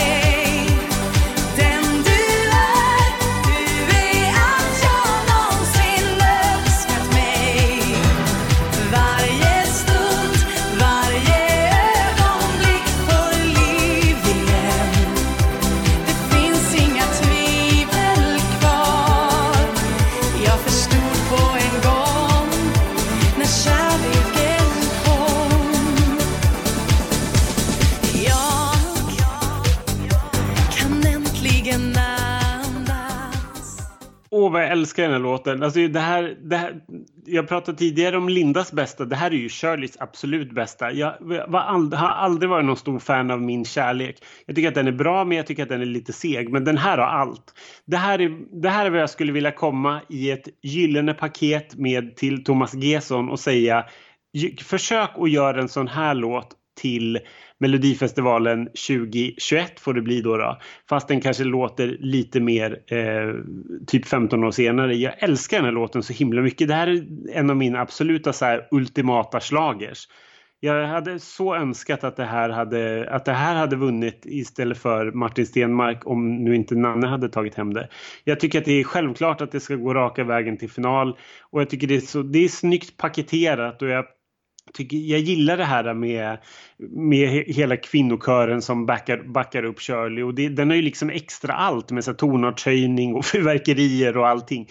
Ja, allting finns i Att älska dig. Det här är lätt på min topp 10-lista av alla, alla år mellolåtar någonsin. Oj, Jäklar i min låda. Jag tycker ju också att det är väldigt, väldigt bra. Eh, det är ju utan tvekan tycker jag att det är deltävlingens eh, bästa låt. Så då har jag avslöjat det redan. Eh, det är en jättesnygg comeback som du säger och den har ju otrolig vinnarvibb. Man ser ju att numret är ju, det är ju liksom Eurovision-tänk. Eh, och det här hade ju mm. funkat så mycket bättre än, Martin Stenmark. Det hade ju det mesta gjort kanske i finalen det här året. Men, eh, men eh, Ja, jag tycker det är jättebra. Sen får jag erkänna att då var jag lite besviken. Jag vet inte, när jag tänker på det så tror jag att jag var besviken på det mesta 2005. Förutom Nanne på något sätt som var den enda som jag tror överraskade mig positivt. Eh, även om jag nu då både älskar Alcazar och eh, Shirley och säkert några framöver som jag inte kommer ihåg. Eh, så var jag lite besviken då. Men nu tycker jag att den är den är, den är riktigt härlig. Sen är, och sen är det ett fantastiskt tryck i publiken, vilket man märker att det här är liksom en, en favorit. Det är liksom, ja men det är bara ett sånt där härligt mello-ögonblick. Och en bra produktion också på det där tycker jag. Jag tycker fortfarande det är så här, vissa låtar känns bara så här tidlösa fortfarande. Sen håller jag med dig, det är klart att det måste finnas någon sorts 15 eh, år senare touch om man skulle göra en sån här låt igen. Men många av de här låtarna är verkligen eh, tidlösa även i produktion på något sätt. För att de bara mm. är sitt eget lilla universum på något sätt. Mm, ja men verkligen, jag håller, jag håller helt med. Sen är det lite kul också här att eh, Shirley är med för tredje året i rad. Mm. Eh, och det går bättre och bättre. Först så gick det ju inte så bra eh, med Mr Memory 2003 och sen så gick hon ju via Andra chansen till final och nu äntligen går hon direkt till final med Att älska dig. Mm, det rabblade de väl upp eh, för övrigt någonstans. Ett av skämten är ju att de här eh, killarna eh, Fransson, Edberger, Larsson och Lundgren hade med, vad, var det, en låt för två år sedan, tre låtar och nu har de med fem låtar. Eller jag kommer inte ihåg det. Och då har någon har Shanachi räknat ut att de skulle ha med 33 låtar 2019. Så blev det ju inte och dessutom är det bara 28 låtar numera. Så där hade han jättefel, men det är ju ett roligt skämt som säger en del om hur länge sedan det här är. När man liksom river till med 2019 som någonting som är långt, långt, långt fram i tiden. Och man bara, mm, just det. Okej. Okay. Det är då man åker, åker liksom rymdskepp till dagis. Precis. Vad jag undrar absolut mest om framtiden är när vi ska börja ha likadana kläder allihopa. Det har man ju alltid i framtiden när man tittar på det. Alla går ju i samma liksom, uniform. Jag vet inte när det kommer. Liksom. Jag har väntat på den jätteofta. Alla kommer liksom se ut som Alcazar i finalen. Hoppas. Hoppas. Um, då var det slut på de åtta bidragen som det var. Och då sen följer ju det här vanliga Melodifestivalen-rabblandet. Att först blir det telefonnummer och sen blir det regler. Och det som slår mig här är att man, man, får lite vibben av att folk inte har sett Melodifestivalen innan. Alltså det är fortfarande väldigt mycket regler som rabblas. Men nu för tiden kan jag känna att det är lite mer så här. Folk vet vad det är som gäller och så är det appen. Det är ganska självinstruerande det här. Men på denna tiden känns det verkligen som att vi gör tv för folk som inte ens har sett Melodifestivalen. Eller vet vad det är. Eh, och, så här, och nu kommer det ett smakprov från alla tävlingslåtarna. Man bara kallar det för en snabbrepris liksom. What, Va? Eh, och sådär. Och sen kommer väl den här eh, Sean Atchie i Green Room eh, pratan som du pratade lite om i början. Ja, jag vet inte vad jag ska, vad jag ska säga, säga om det. Jag tycker inte att den var så rolig. Jag vet inte om, eh, om du har så mycket mer att tillägga. Det går liksom ut på att han befinner sig då i Melodifestivalland på något sätt. Och, Eh, och, och, hela skämtet går ut på att hans mamma frågar om han har, om han har blivit fjolla. Precis. Det tycker inte känns kanske hundraprocentigt eh, 2020. Nej, precis. Nej, det är väl helt onödig rättelse här, men jag tror att det är hans pappa, för hans mamma är väl hon som säger att hon ska döda honom om han inte gör Melodifestivalen. Och sen säger hans pappa att han är fjolla, ja, så då måste, liksom, då måste Alexandra efteråt gå in och berätta att jag tror nog att din pappa ändå är stolt över dig. Och man bara ändå! Fast han tror att du är fjolla så är han ändå stolt. Jag, jag reagerade otroligt mycket på det där också. Jag bara, vad är det för liksom nu när du drog det här med Aftonbladet, jag kommer inte komma över det här. Hur liksom, vad var det för ton? Det är liksom lite böghorn genom hela den här tidsandan på något sätt som jag inte riktigt gillar. Nej, jag vet. Det, det, det är liksom så här, det, det, det, känns inte helt hundra. Det är liksom som när man ser om Friends och att det, det kommer liksom så här lite homofoba och transofoba skämt. Och jag är, jag är verkligen inte jättekänslig men jag, blir, jag reagerar och då tänker jag bara på så här att gud, tiden var verkligen annorlunda och det här är ändå bara 15 år sedan liksom. Mm, precis så. Just det där att, att man tror att det känns så nära men det har verkligen hänt saker vilket är ju väldigt skönt att höra. Och när, mm. vi, när vi pratar om straighta saker så kastar vi oss in i den första mellanakten kanske. Eh, som är ett musikaliskt, alltså... en musikalisk medley med partytema. Vill du, vill du säga något om det här? Ja, men jag, jag, vet inte vad jag ska säga. Och jag, jag, tyckte det här var så hemskt. Jag blev så glad när så här, men gud, Jessica Andersson dyker upp här och så Sara Lövgren. Eh, och så Bosson. vad härligt det här låter liksom, eller vad, vad härligt det ser ut. Och så sjunger de Pink med Let, let, vet du, Get the party started och då blir jag ändå så ja ah, men det är väl helt okej okay, liksom. Men sen nu ratar det ju helt liksom. När, när Brandsta-Glenn kommer in och sjunger Livet är en fest. Och Magnus Bäcklund ska braka loss i Fight for your, eller, fight for your right to party. Man bara, men nej! Vem, vem har kommit på det här fruktansvärda medlet som inte har någonting med någonting att göra? Och det är så taffligt producerat också. Det är verkligen så här dåligt producerat. Det är jättetunn eh, liksom tunt musikaliskt. Det är sånt random ja. Diggiloo-turné, nej inte ens Diggiloo-turné, det är så här random eh, julshow, så här företagsjulshow med liksom musikskoleelever som inte riktigt är klara än som måste göra någonting. Så här julbordsmusik är det. Mm. Usch! Jag, jag, tycker också det var otroligt eh, taffligt. Och precis som du så var jag så här, oh, Jessica, gjorde Jessica Andersson ett medley? Vad är det här liksom? Och sen bara, mm. Bäcklund och eh, Brandsta Glenn liksom. Ja, det är helt, helt sjukt. Um, nej, vi, vi lämnar det. Det här är inte något ni behöver googla fram kan jag säga.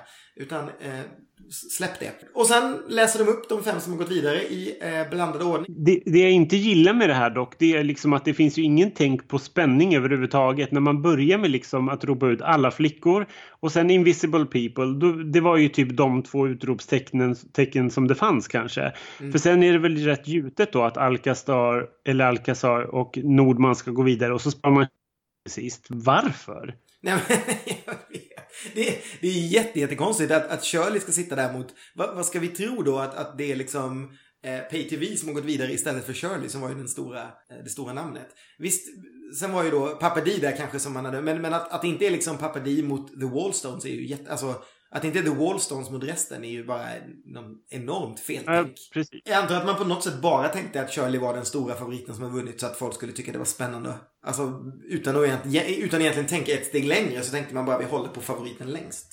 Eller? Kanske. Ja, men så är det väl. Men det, det är bara menlöst liksom. Ja. ja.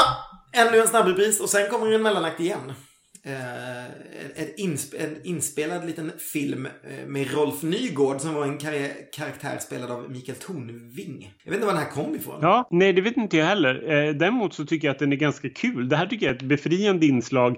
Att det liksom är någon som har en ganska vass, vass och gnällig ton. Eh, jag tror att det här inte uppskattades så mycket från, från början men steg för steg så vann han över tittarna och så blev det ganska, ganska kul att han liksom har en så här gnällig attityd om, om att allting typ är skit. Mm. Jag tycker också, jag tycker det är helt genialt faktiskt. För det, det är lite det där Eh, som, som vi alltid brukar prata om att det är fan inte vackert i Sverige i, i februari alltså. Eh, och här går jag också runt och, det, och, och då hugger, hugger random göteborgare, vilket råkar vara Lasse Kronér som han inte känner igen. Eh, och Kronér börjar prata om hur grönt det är i Göteborg och så filmar de liksom då Göteborg i februari som fan är allting utom grönt kan man ju säga för den som har varit här.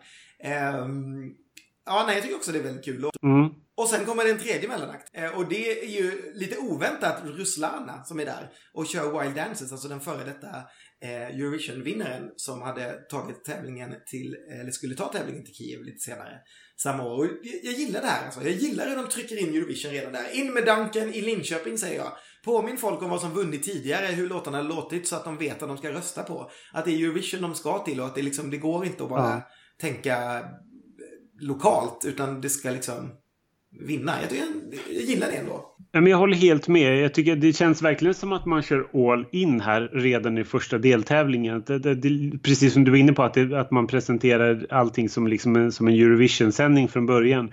Och sen brassar man in liksom massor med bekanta ansikten i det här menlösa medlet men det är ändå bekanta ansikten som folk känner igen. Och sen så är det liksom Ruslana som är Euro- Eurovision-vinnaren direkt. Det är ju verkligen all in liksom från början. Mm. Eh, och, eh, det här är ju inte min favorit Eurovision-vinnare på långa vägar, men det är ju en jävligt effektiv låt måste man ju säga. Och så det blir ju, partystämningen är ju också verkligen på topp. Man känner ju verkligen så här, gud jag skulle vilja varit i Skandinavien där. Jag tycker att det är väldigt tydligt vilken underbar liksom stämning det är runt omkring, vilket jag inte ibland känner att man får liksom samma feeling av eh, nu för tiden. Det är väldigt mycket så här mätta ballongviftare.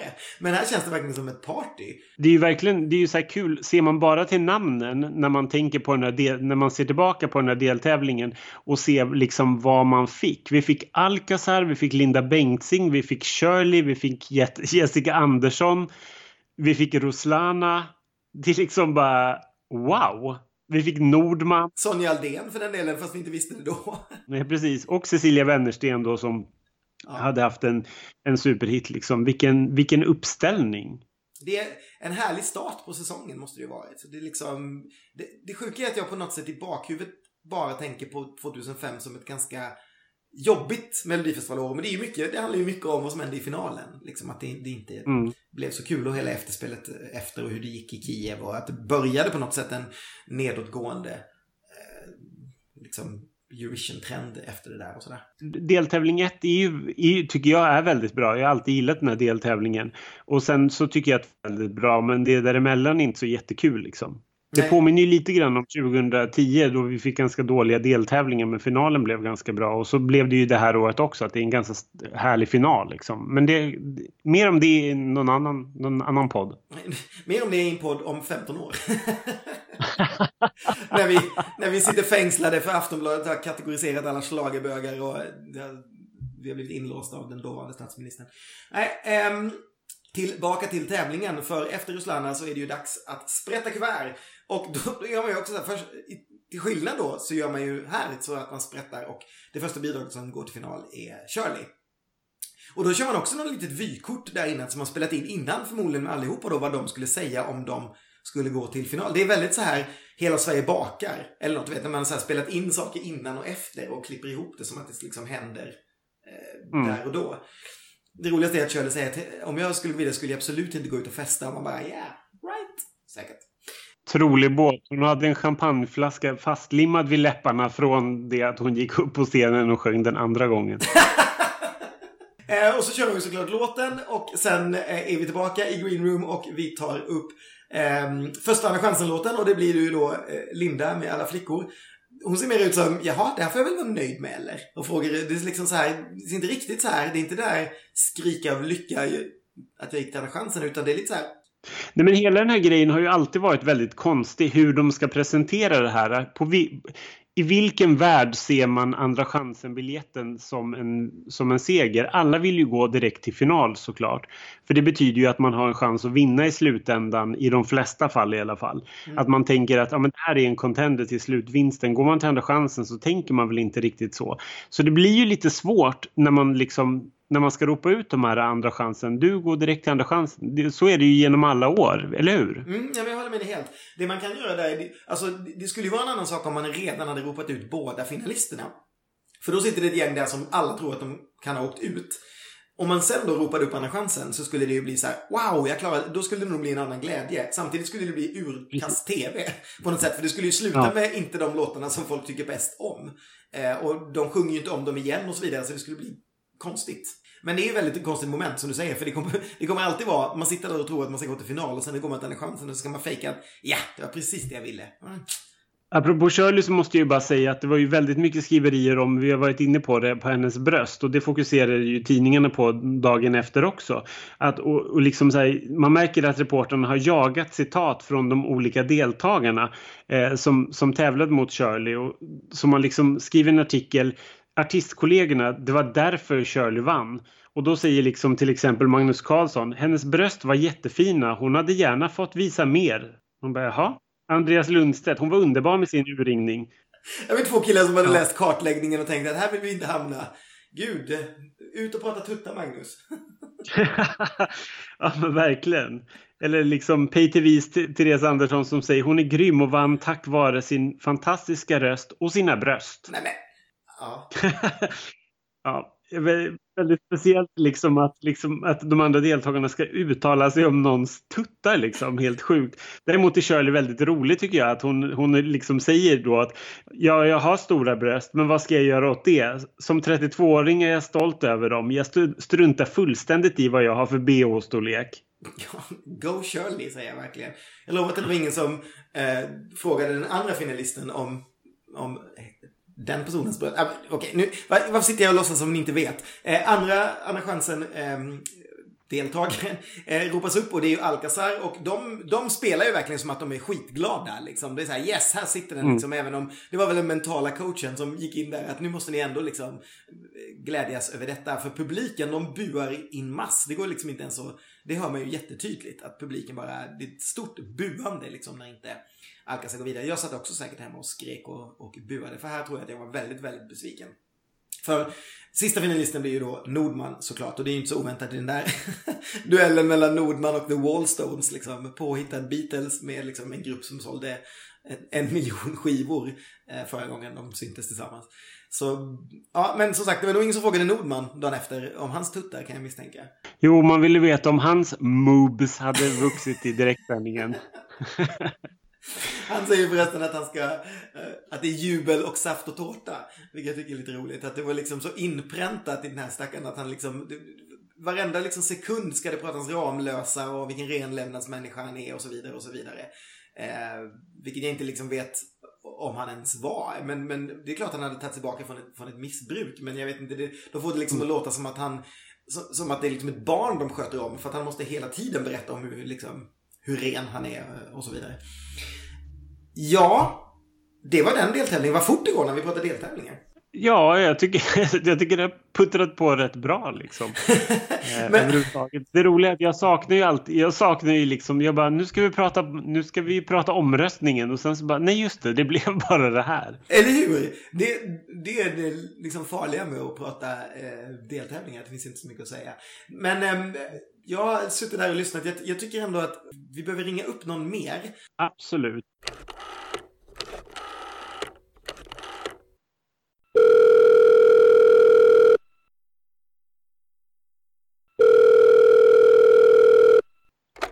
Hej, det var Shirley. Ja, hej, det är Ronny. Du, då börjar vi med eh, Melodifestivalen 2005. Du eh, var med för tredje ja. året i rad och sjöng då Att älska dig. Hur kom Att älska dig till dig?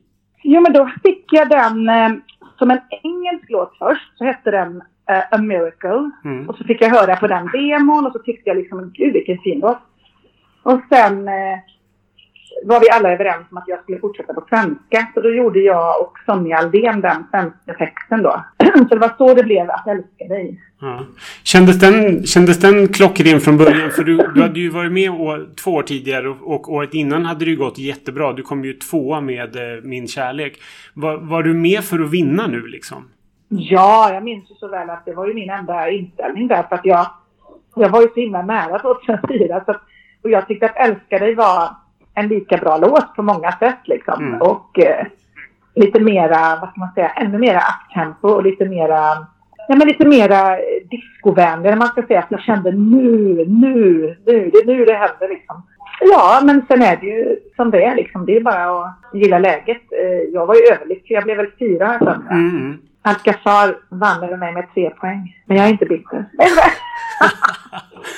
Ah, jag förstår det. För du, gick, du gick ju direkt eh, till final från deltävlingen och sen som sagt så slutade du på en, på en fjärde plats. Eh, kändes, kändes det som att det liksom... Ja men det, var, det kändes jättebra. Jo men det kändes ju bra. Vad fasen jättebra. Det är klart att jag hade velat vinna. Det ville man ju. Mm. Det vill man ju eh, varje gång man är med. Men, men man vet ju hur det funkar. Man, man tänker så här, men, ja men det var ju jävligt kul att bli eh, fyra istället för åtta. Men jag tror att där var det nog mer att förväntningarna var höga. De var mycket, mycket högre än när jag blev tvåa med min kärlek. Mm. För att vi hade bäddat så himla bra för eh, liksom okej, okay, nu, nu vinner du nog eftersom du blev tvåa förra gången. Så mm. jag tror att förväntningarna där gjorde nog att jag blev lite mera eh, eh, liksom ledsen då, man ska säga. Men, men, men jag minns ju bara glädje av det. Liksom. Jag minns mm. inte att jag på något sätt blev liksom knäckt av det. Utan man mm. var liksom mitt uppe i någon karriär där. Så det var ju bara kul att få en, en radiohit till. Liksom. Mm. Du, du har ju varit med sex gånger genom åren i Melodifestivalen. Men just kring den här tiden så, så var klimatet i pressen ganska speciellt. Jag som har följt Melodifestivalen också varit ute på turné och liksom bevakat det här.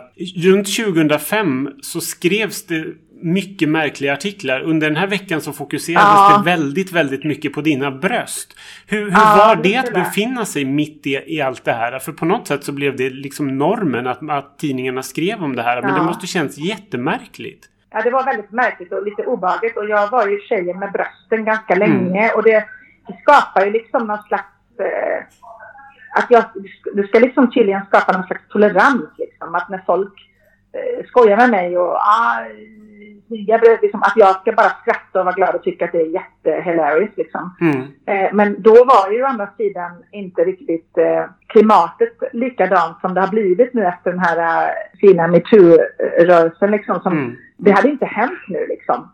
Men då var det någon slags, någon slags antik gammal grottmänniskoanda liksom som, som varade. Och då, då, då var det liksom, det var nästan bara som att jag skulle tugga i med det, att de drog någon slags skämt där i tidningen och och det var ju, min, mina kläder var ju inte ens klara, så bilderna som florerade där är ju från vårt rep, där mm. vi säger att vi har inte hunnit sy på den här meshen här eh, som ska på dem med massa stenar. Mm. För att som ni ser är det lite väl urringat liksom. Det var liksom uttalat problem och ändå passade de på och zooma in då på, på pattarna liksom och verkligen göra en grej av det. Mm. Så att jag sa att det var så här, ah, Shirley med, med den stora Nej men det var någonting, de, de gjorde någon, de var lite roliga så att eh, istället för att skriva Shirley med den, den, stora rösten så blev det väldigt så här Shirley med, med brösten. Alltså det blev så, och jag kommer ihåg att det var ju löpsedlar och mm. när man går av scenen och tycker att man, man har lyckats som sångerska med en fantastisk låt och mm.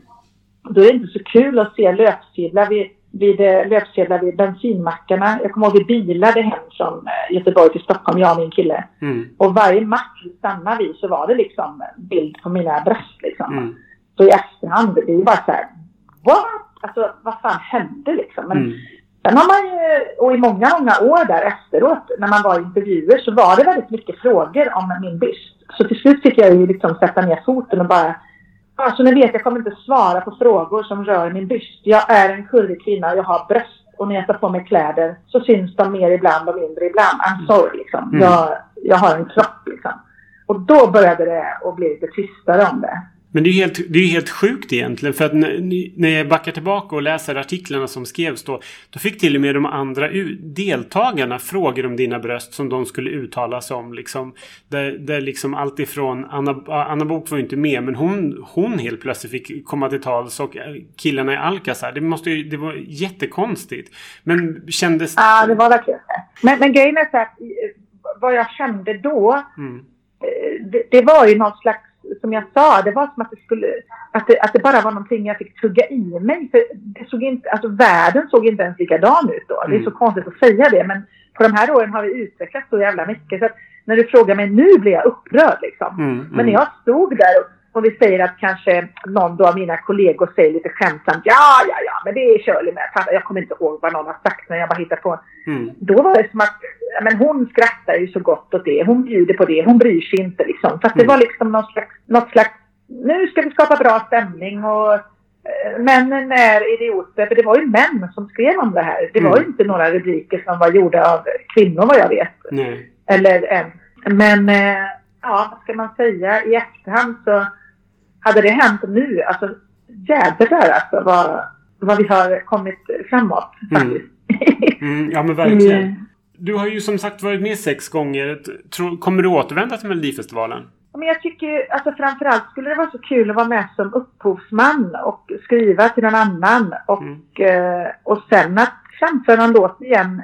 Jag skulle aldrig stänga den dörren. För att jag har ju många förebilder som har varit med på äldre dagar också. Liksom, och framfört väldigt fina nummer och fina låtar och, och gjort succé. Eh, Mm. så att jag stänger inte den dörren. Men eh, just nu i livet så Alltså det, har, ju- det är en pri- prioriteringsfråga liksom och just Mm. nu i livet så känns det inte så, så högt upp på den listan. Men eh, ja, man får ju också vara smart liksom. Sverige är ju litet och det, det är väldigt eh, intelligent att ställa upp liksom om man Mm. får möjligheten. För att låtar kan få eh, liv och alltså sträcka sig utanför Spotify liksom. Och, Mm. ja, Mm. men eh, inte, inte just nu känns det inte så.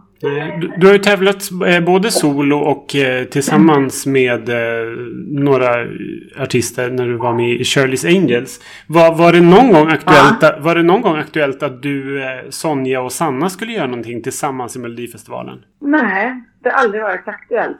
Vi höll oss eh, lite mer sådär eh, exklusivt kring våra julkonserter och tänkte att eh, det blir skevt för att när vi gjorde julkonserterna var vi tre artister som gjorde julkonsert så som många artister gör tillsammans. Men att vara en grupp, det har vi aldrig velat bli liksom. Eh, sen måste jag fråga, hur länge hängde namnet Kerstin Klemma med och var du trött på det efter rea-skämtet från 2004? Ja men eh, det, det är väl fortfarande tror jag att eh, framförallt inom gayvärlden liksom när man eh, de som har varit ute och, och, och partat med under livet och haft roligt med som Ja men Kerstin Klemme, man kan fortfarande höra det på stan liksom. Och så vänder jag mig om och bara, nej men hej, åh hur mår du nu? Och, för att det är lite så här mitt alter ego liksom. Det har blivit så. Så att man, jag kan skylla ganska, jag har under mitt liv kunnat skylla lite på Kerstin Klemma.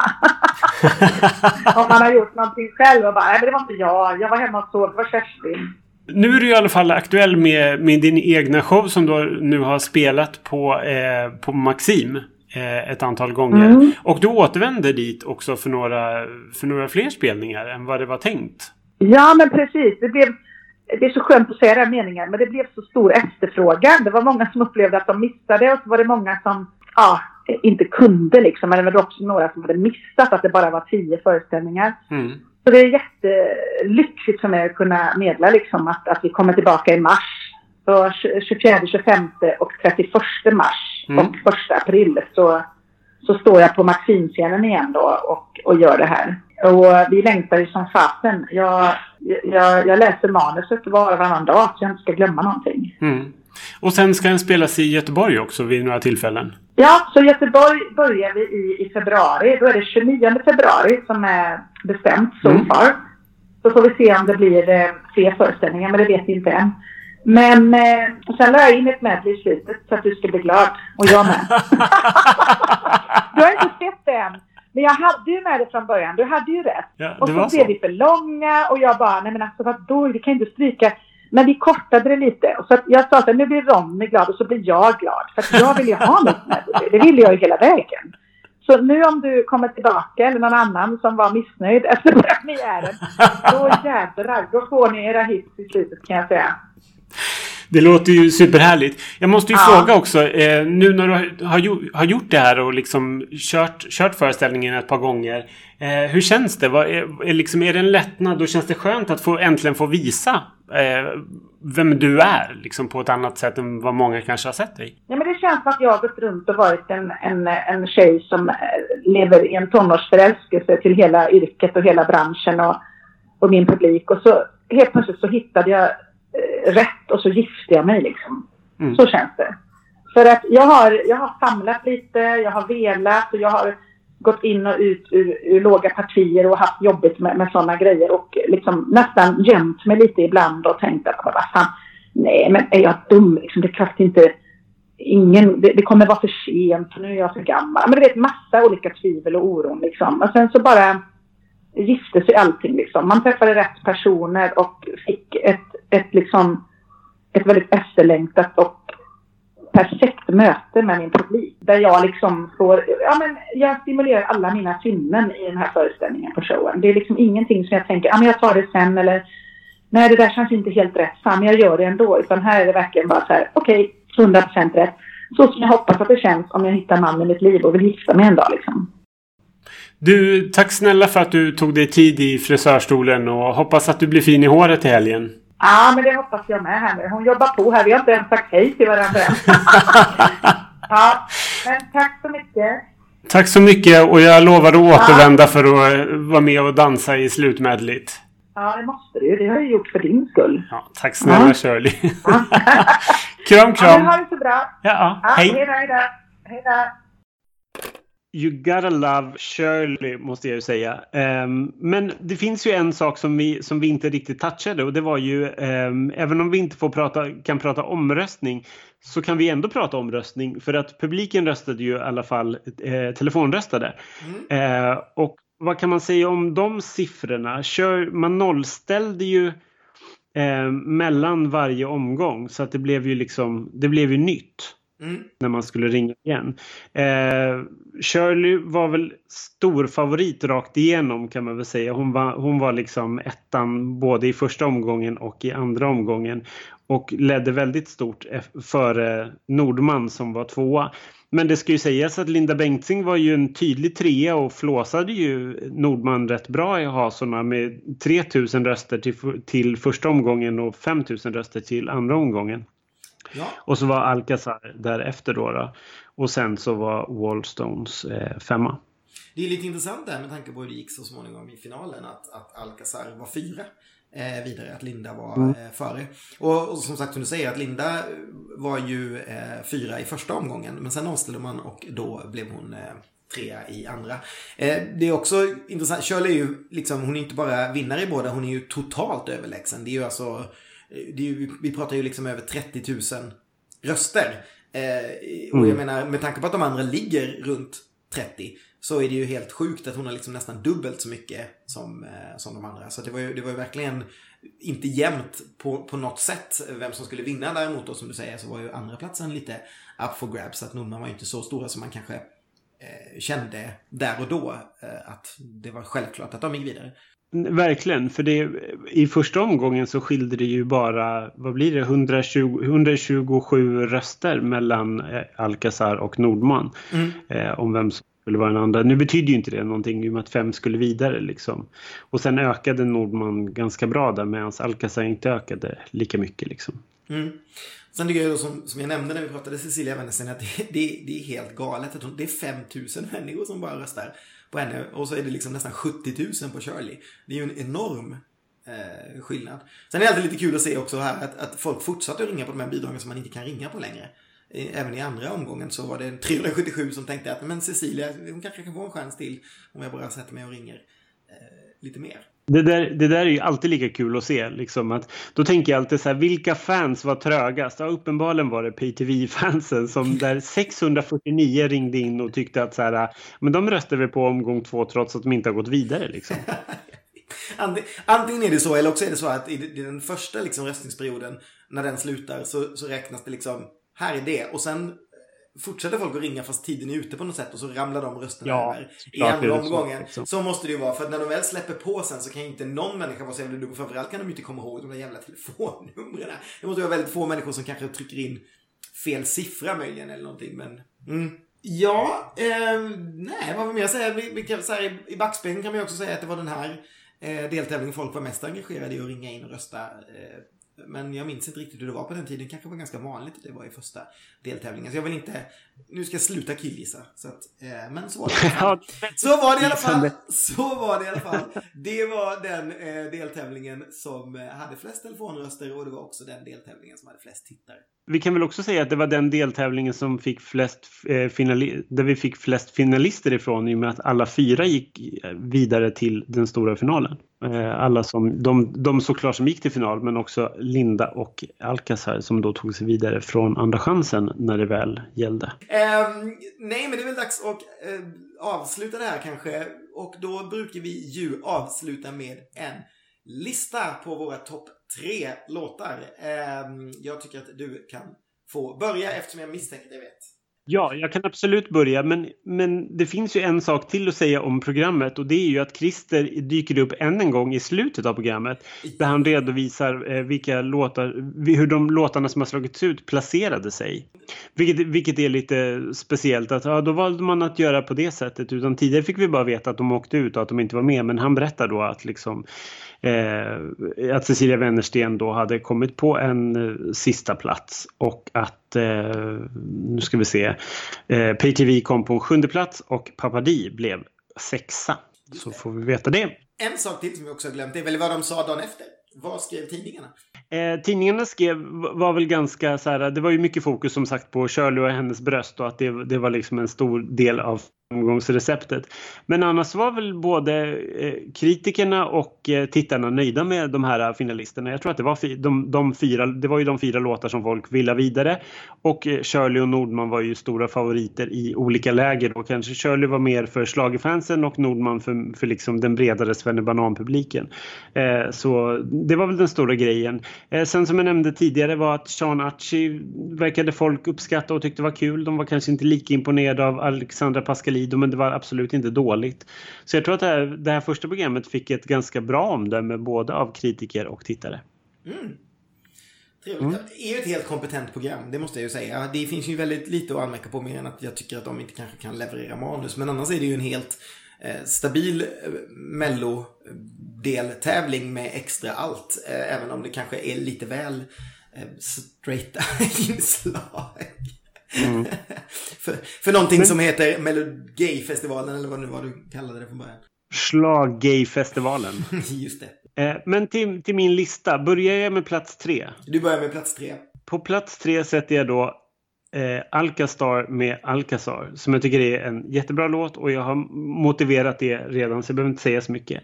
På plats två så sätter jag Alla flickor med Linda Bengtzing vilket kanske är lite överraskande. Jag älskar den jättemycket men det här är ju en av mina all time favoritdeltävlingar och kanske också en av anledningarna till att vi pratar om den överhuvudtaget. Och som etta sätter jag ändå Shirley Clamps Att älska dig för jag tycker att den är på något sätt är den ultimata slagelåten. Den är, den är inte lika bonnig och på ett verkligen positivt sätt. Jag, älskar, jag tycker ju att bonnighet är härligt. Liksom. Den är inte lika bonnig som, eh, som alla flickor utan den är kanske lite mer slagerelegant. Eh, men den är slagerelegant på absolut bästa bästa sätt. Hmm, då kanske jag bara får röra om lite i eh Grytan ska lägga Cecilia Wennersten på plats tre. Eh, det, bara för att jag kände när jag såg nu att det här var verkligen någonting jag glömt bort som jag säkert kommer att plocka upp och lägga på någon eh, slagelista någonstans för att jag vill höra den mer än vad jag har gjort. Så den får bli min nummer två. Sen är det ju jämnt skägg men... Eh, två? Det var tre. tre. jag kan inte ens hålla ordning på tre låtar. Välkommen till mitt liv. Um, nej, men och sen på plats två så är det jämnt skägg och då blir det Ja, det blir Alcazar på plats två. Eh, för jag som sagt har andra favoriter med eh, Alcazar medan jag nog inte har någon större favorit med Shirley Clamp jag heller. Så att, att älska dig får hamna på en eh, första plats. Även om båda de låtarna var så små besvikelser för mig när det begav sig så tycker jag att en etta till Shirley, en tvåa till Alcazar och en trea till Wennersten. Och såklart en fyra till Linda. Eh, men jag har gjort nog för Linda Bengtzing mina dagar. Ni vet inte om det men jag har verkat i bakgrunden. ja, det var ju tur att vi, att vi ringde Linda Bengtzing och pratade med henne innan du gjorde den här listningen. Eh, ja, det var tur. Alles idag, va? Eller vad säger du? ja, jag känner, mig, jag känner mig rätt nöjd. Jag, jag, så här vill jag lämna 2005. Att, att, det liksom, att det var de här låtarna som gick vidare till final och sen vet vi inte riktigt vad som händer framöver. Men eh, det känns jättebra att, att, liksom, att, att sammanfatta slageråret 2005 med den här deltävlingen. Det är ju underbart. Man kan säga att det finns en anledning till att vi går igenom 2005 deltävling 1 och inte finalen. Och inte deltävling 2 kanske. Fy fan. Ja, Mer om det en annan gång. Jag längtar efter det där när vi har gjort fyra säsonger av det här och vi får sitta och liksom göra sex avsnitt om så här helt meningslösa deltävlingar där det bara är åtta låtar ingen av oss vill höra någonsin igen och ska välja tre favoriter. Det kan bli, kan bli roligt att försöka gräva fram dem på någon eh, DVD någonstans i någon byrålåda. Ja, Tack så hemskt mycket för att ni lyssnade den här gången också. Vi hoppas att ni fortsätter med det och att ni lyssnar på oss framöver. Ha det helt fantastiskt. Vi hörs. Hej då! Hej då!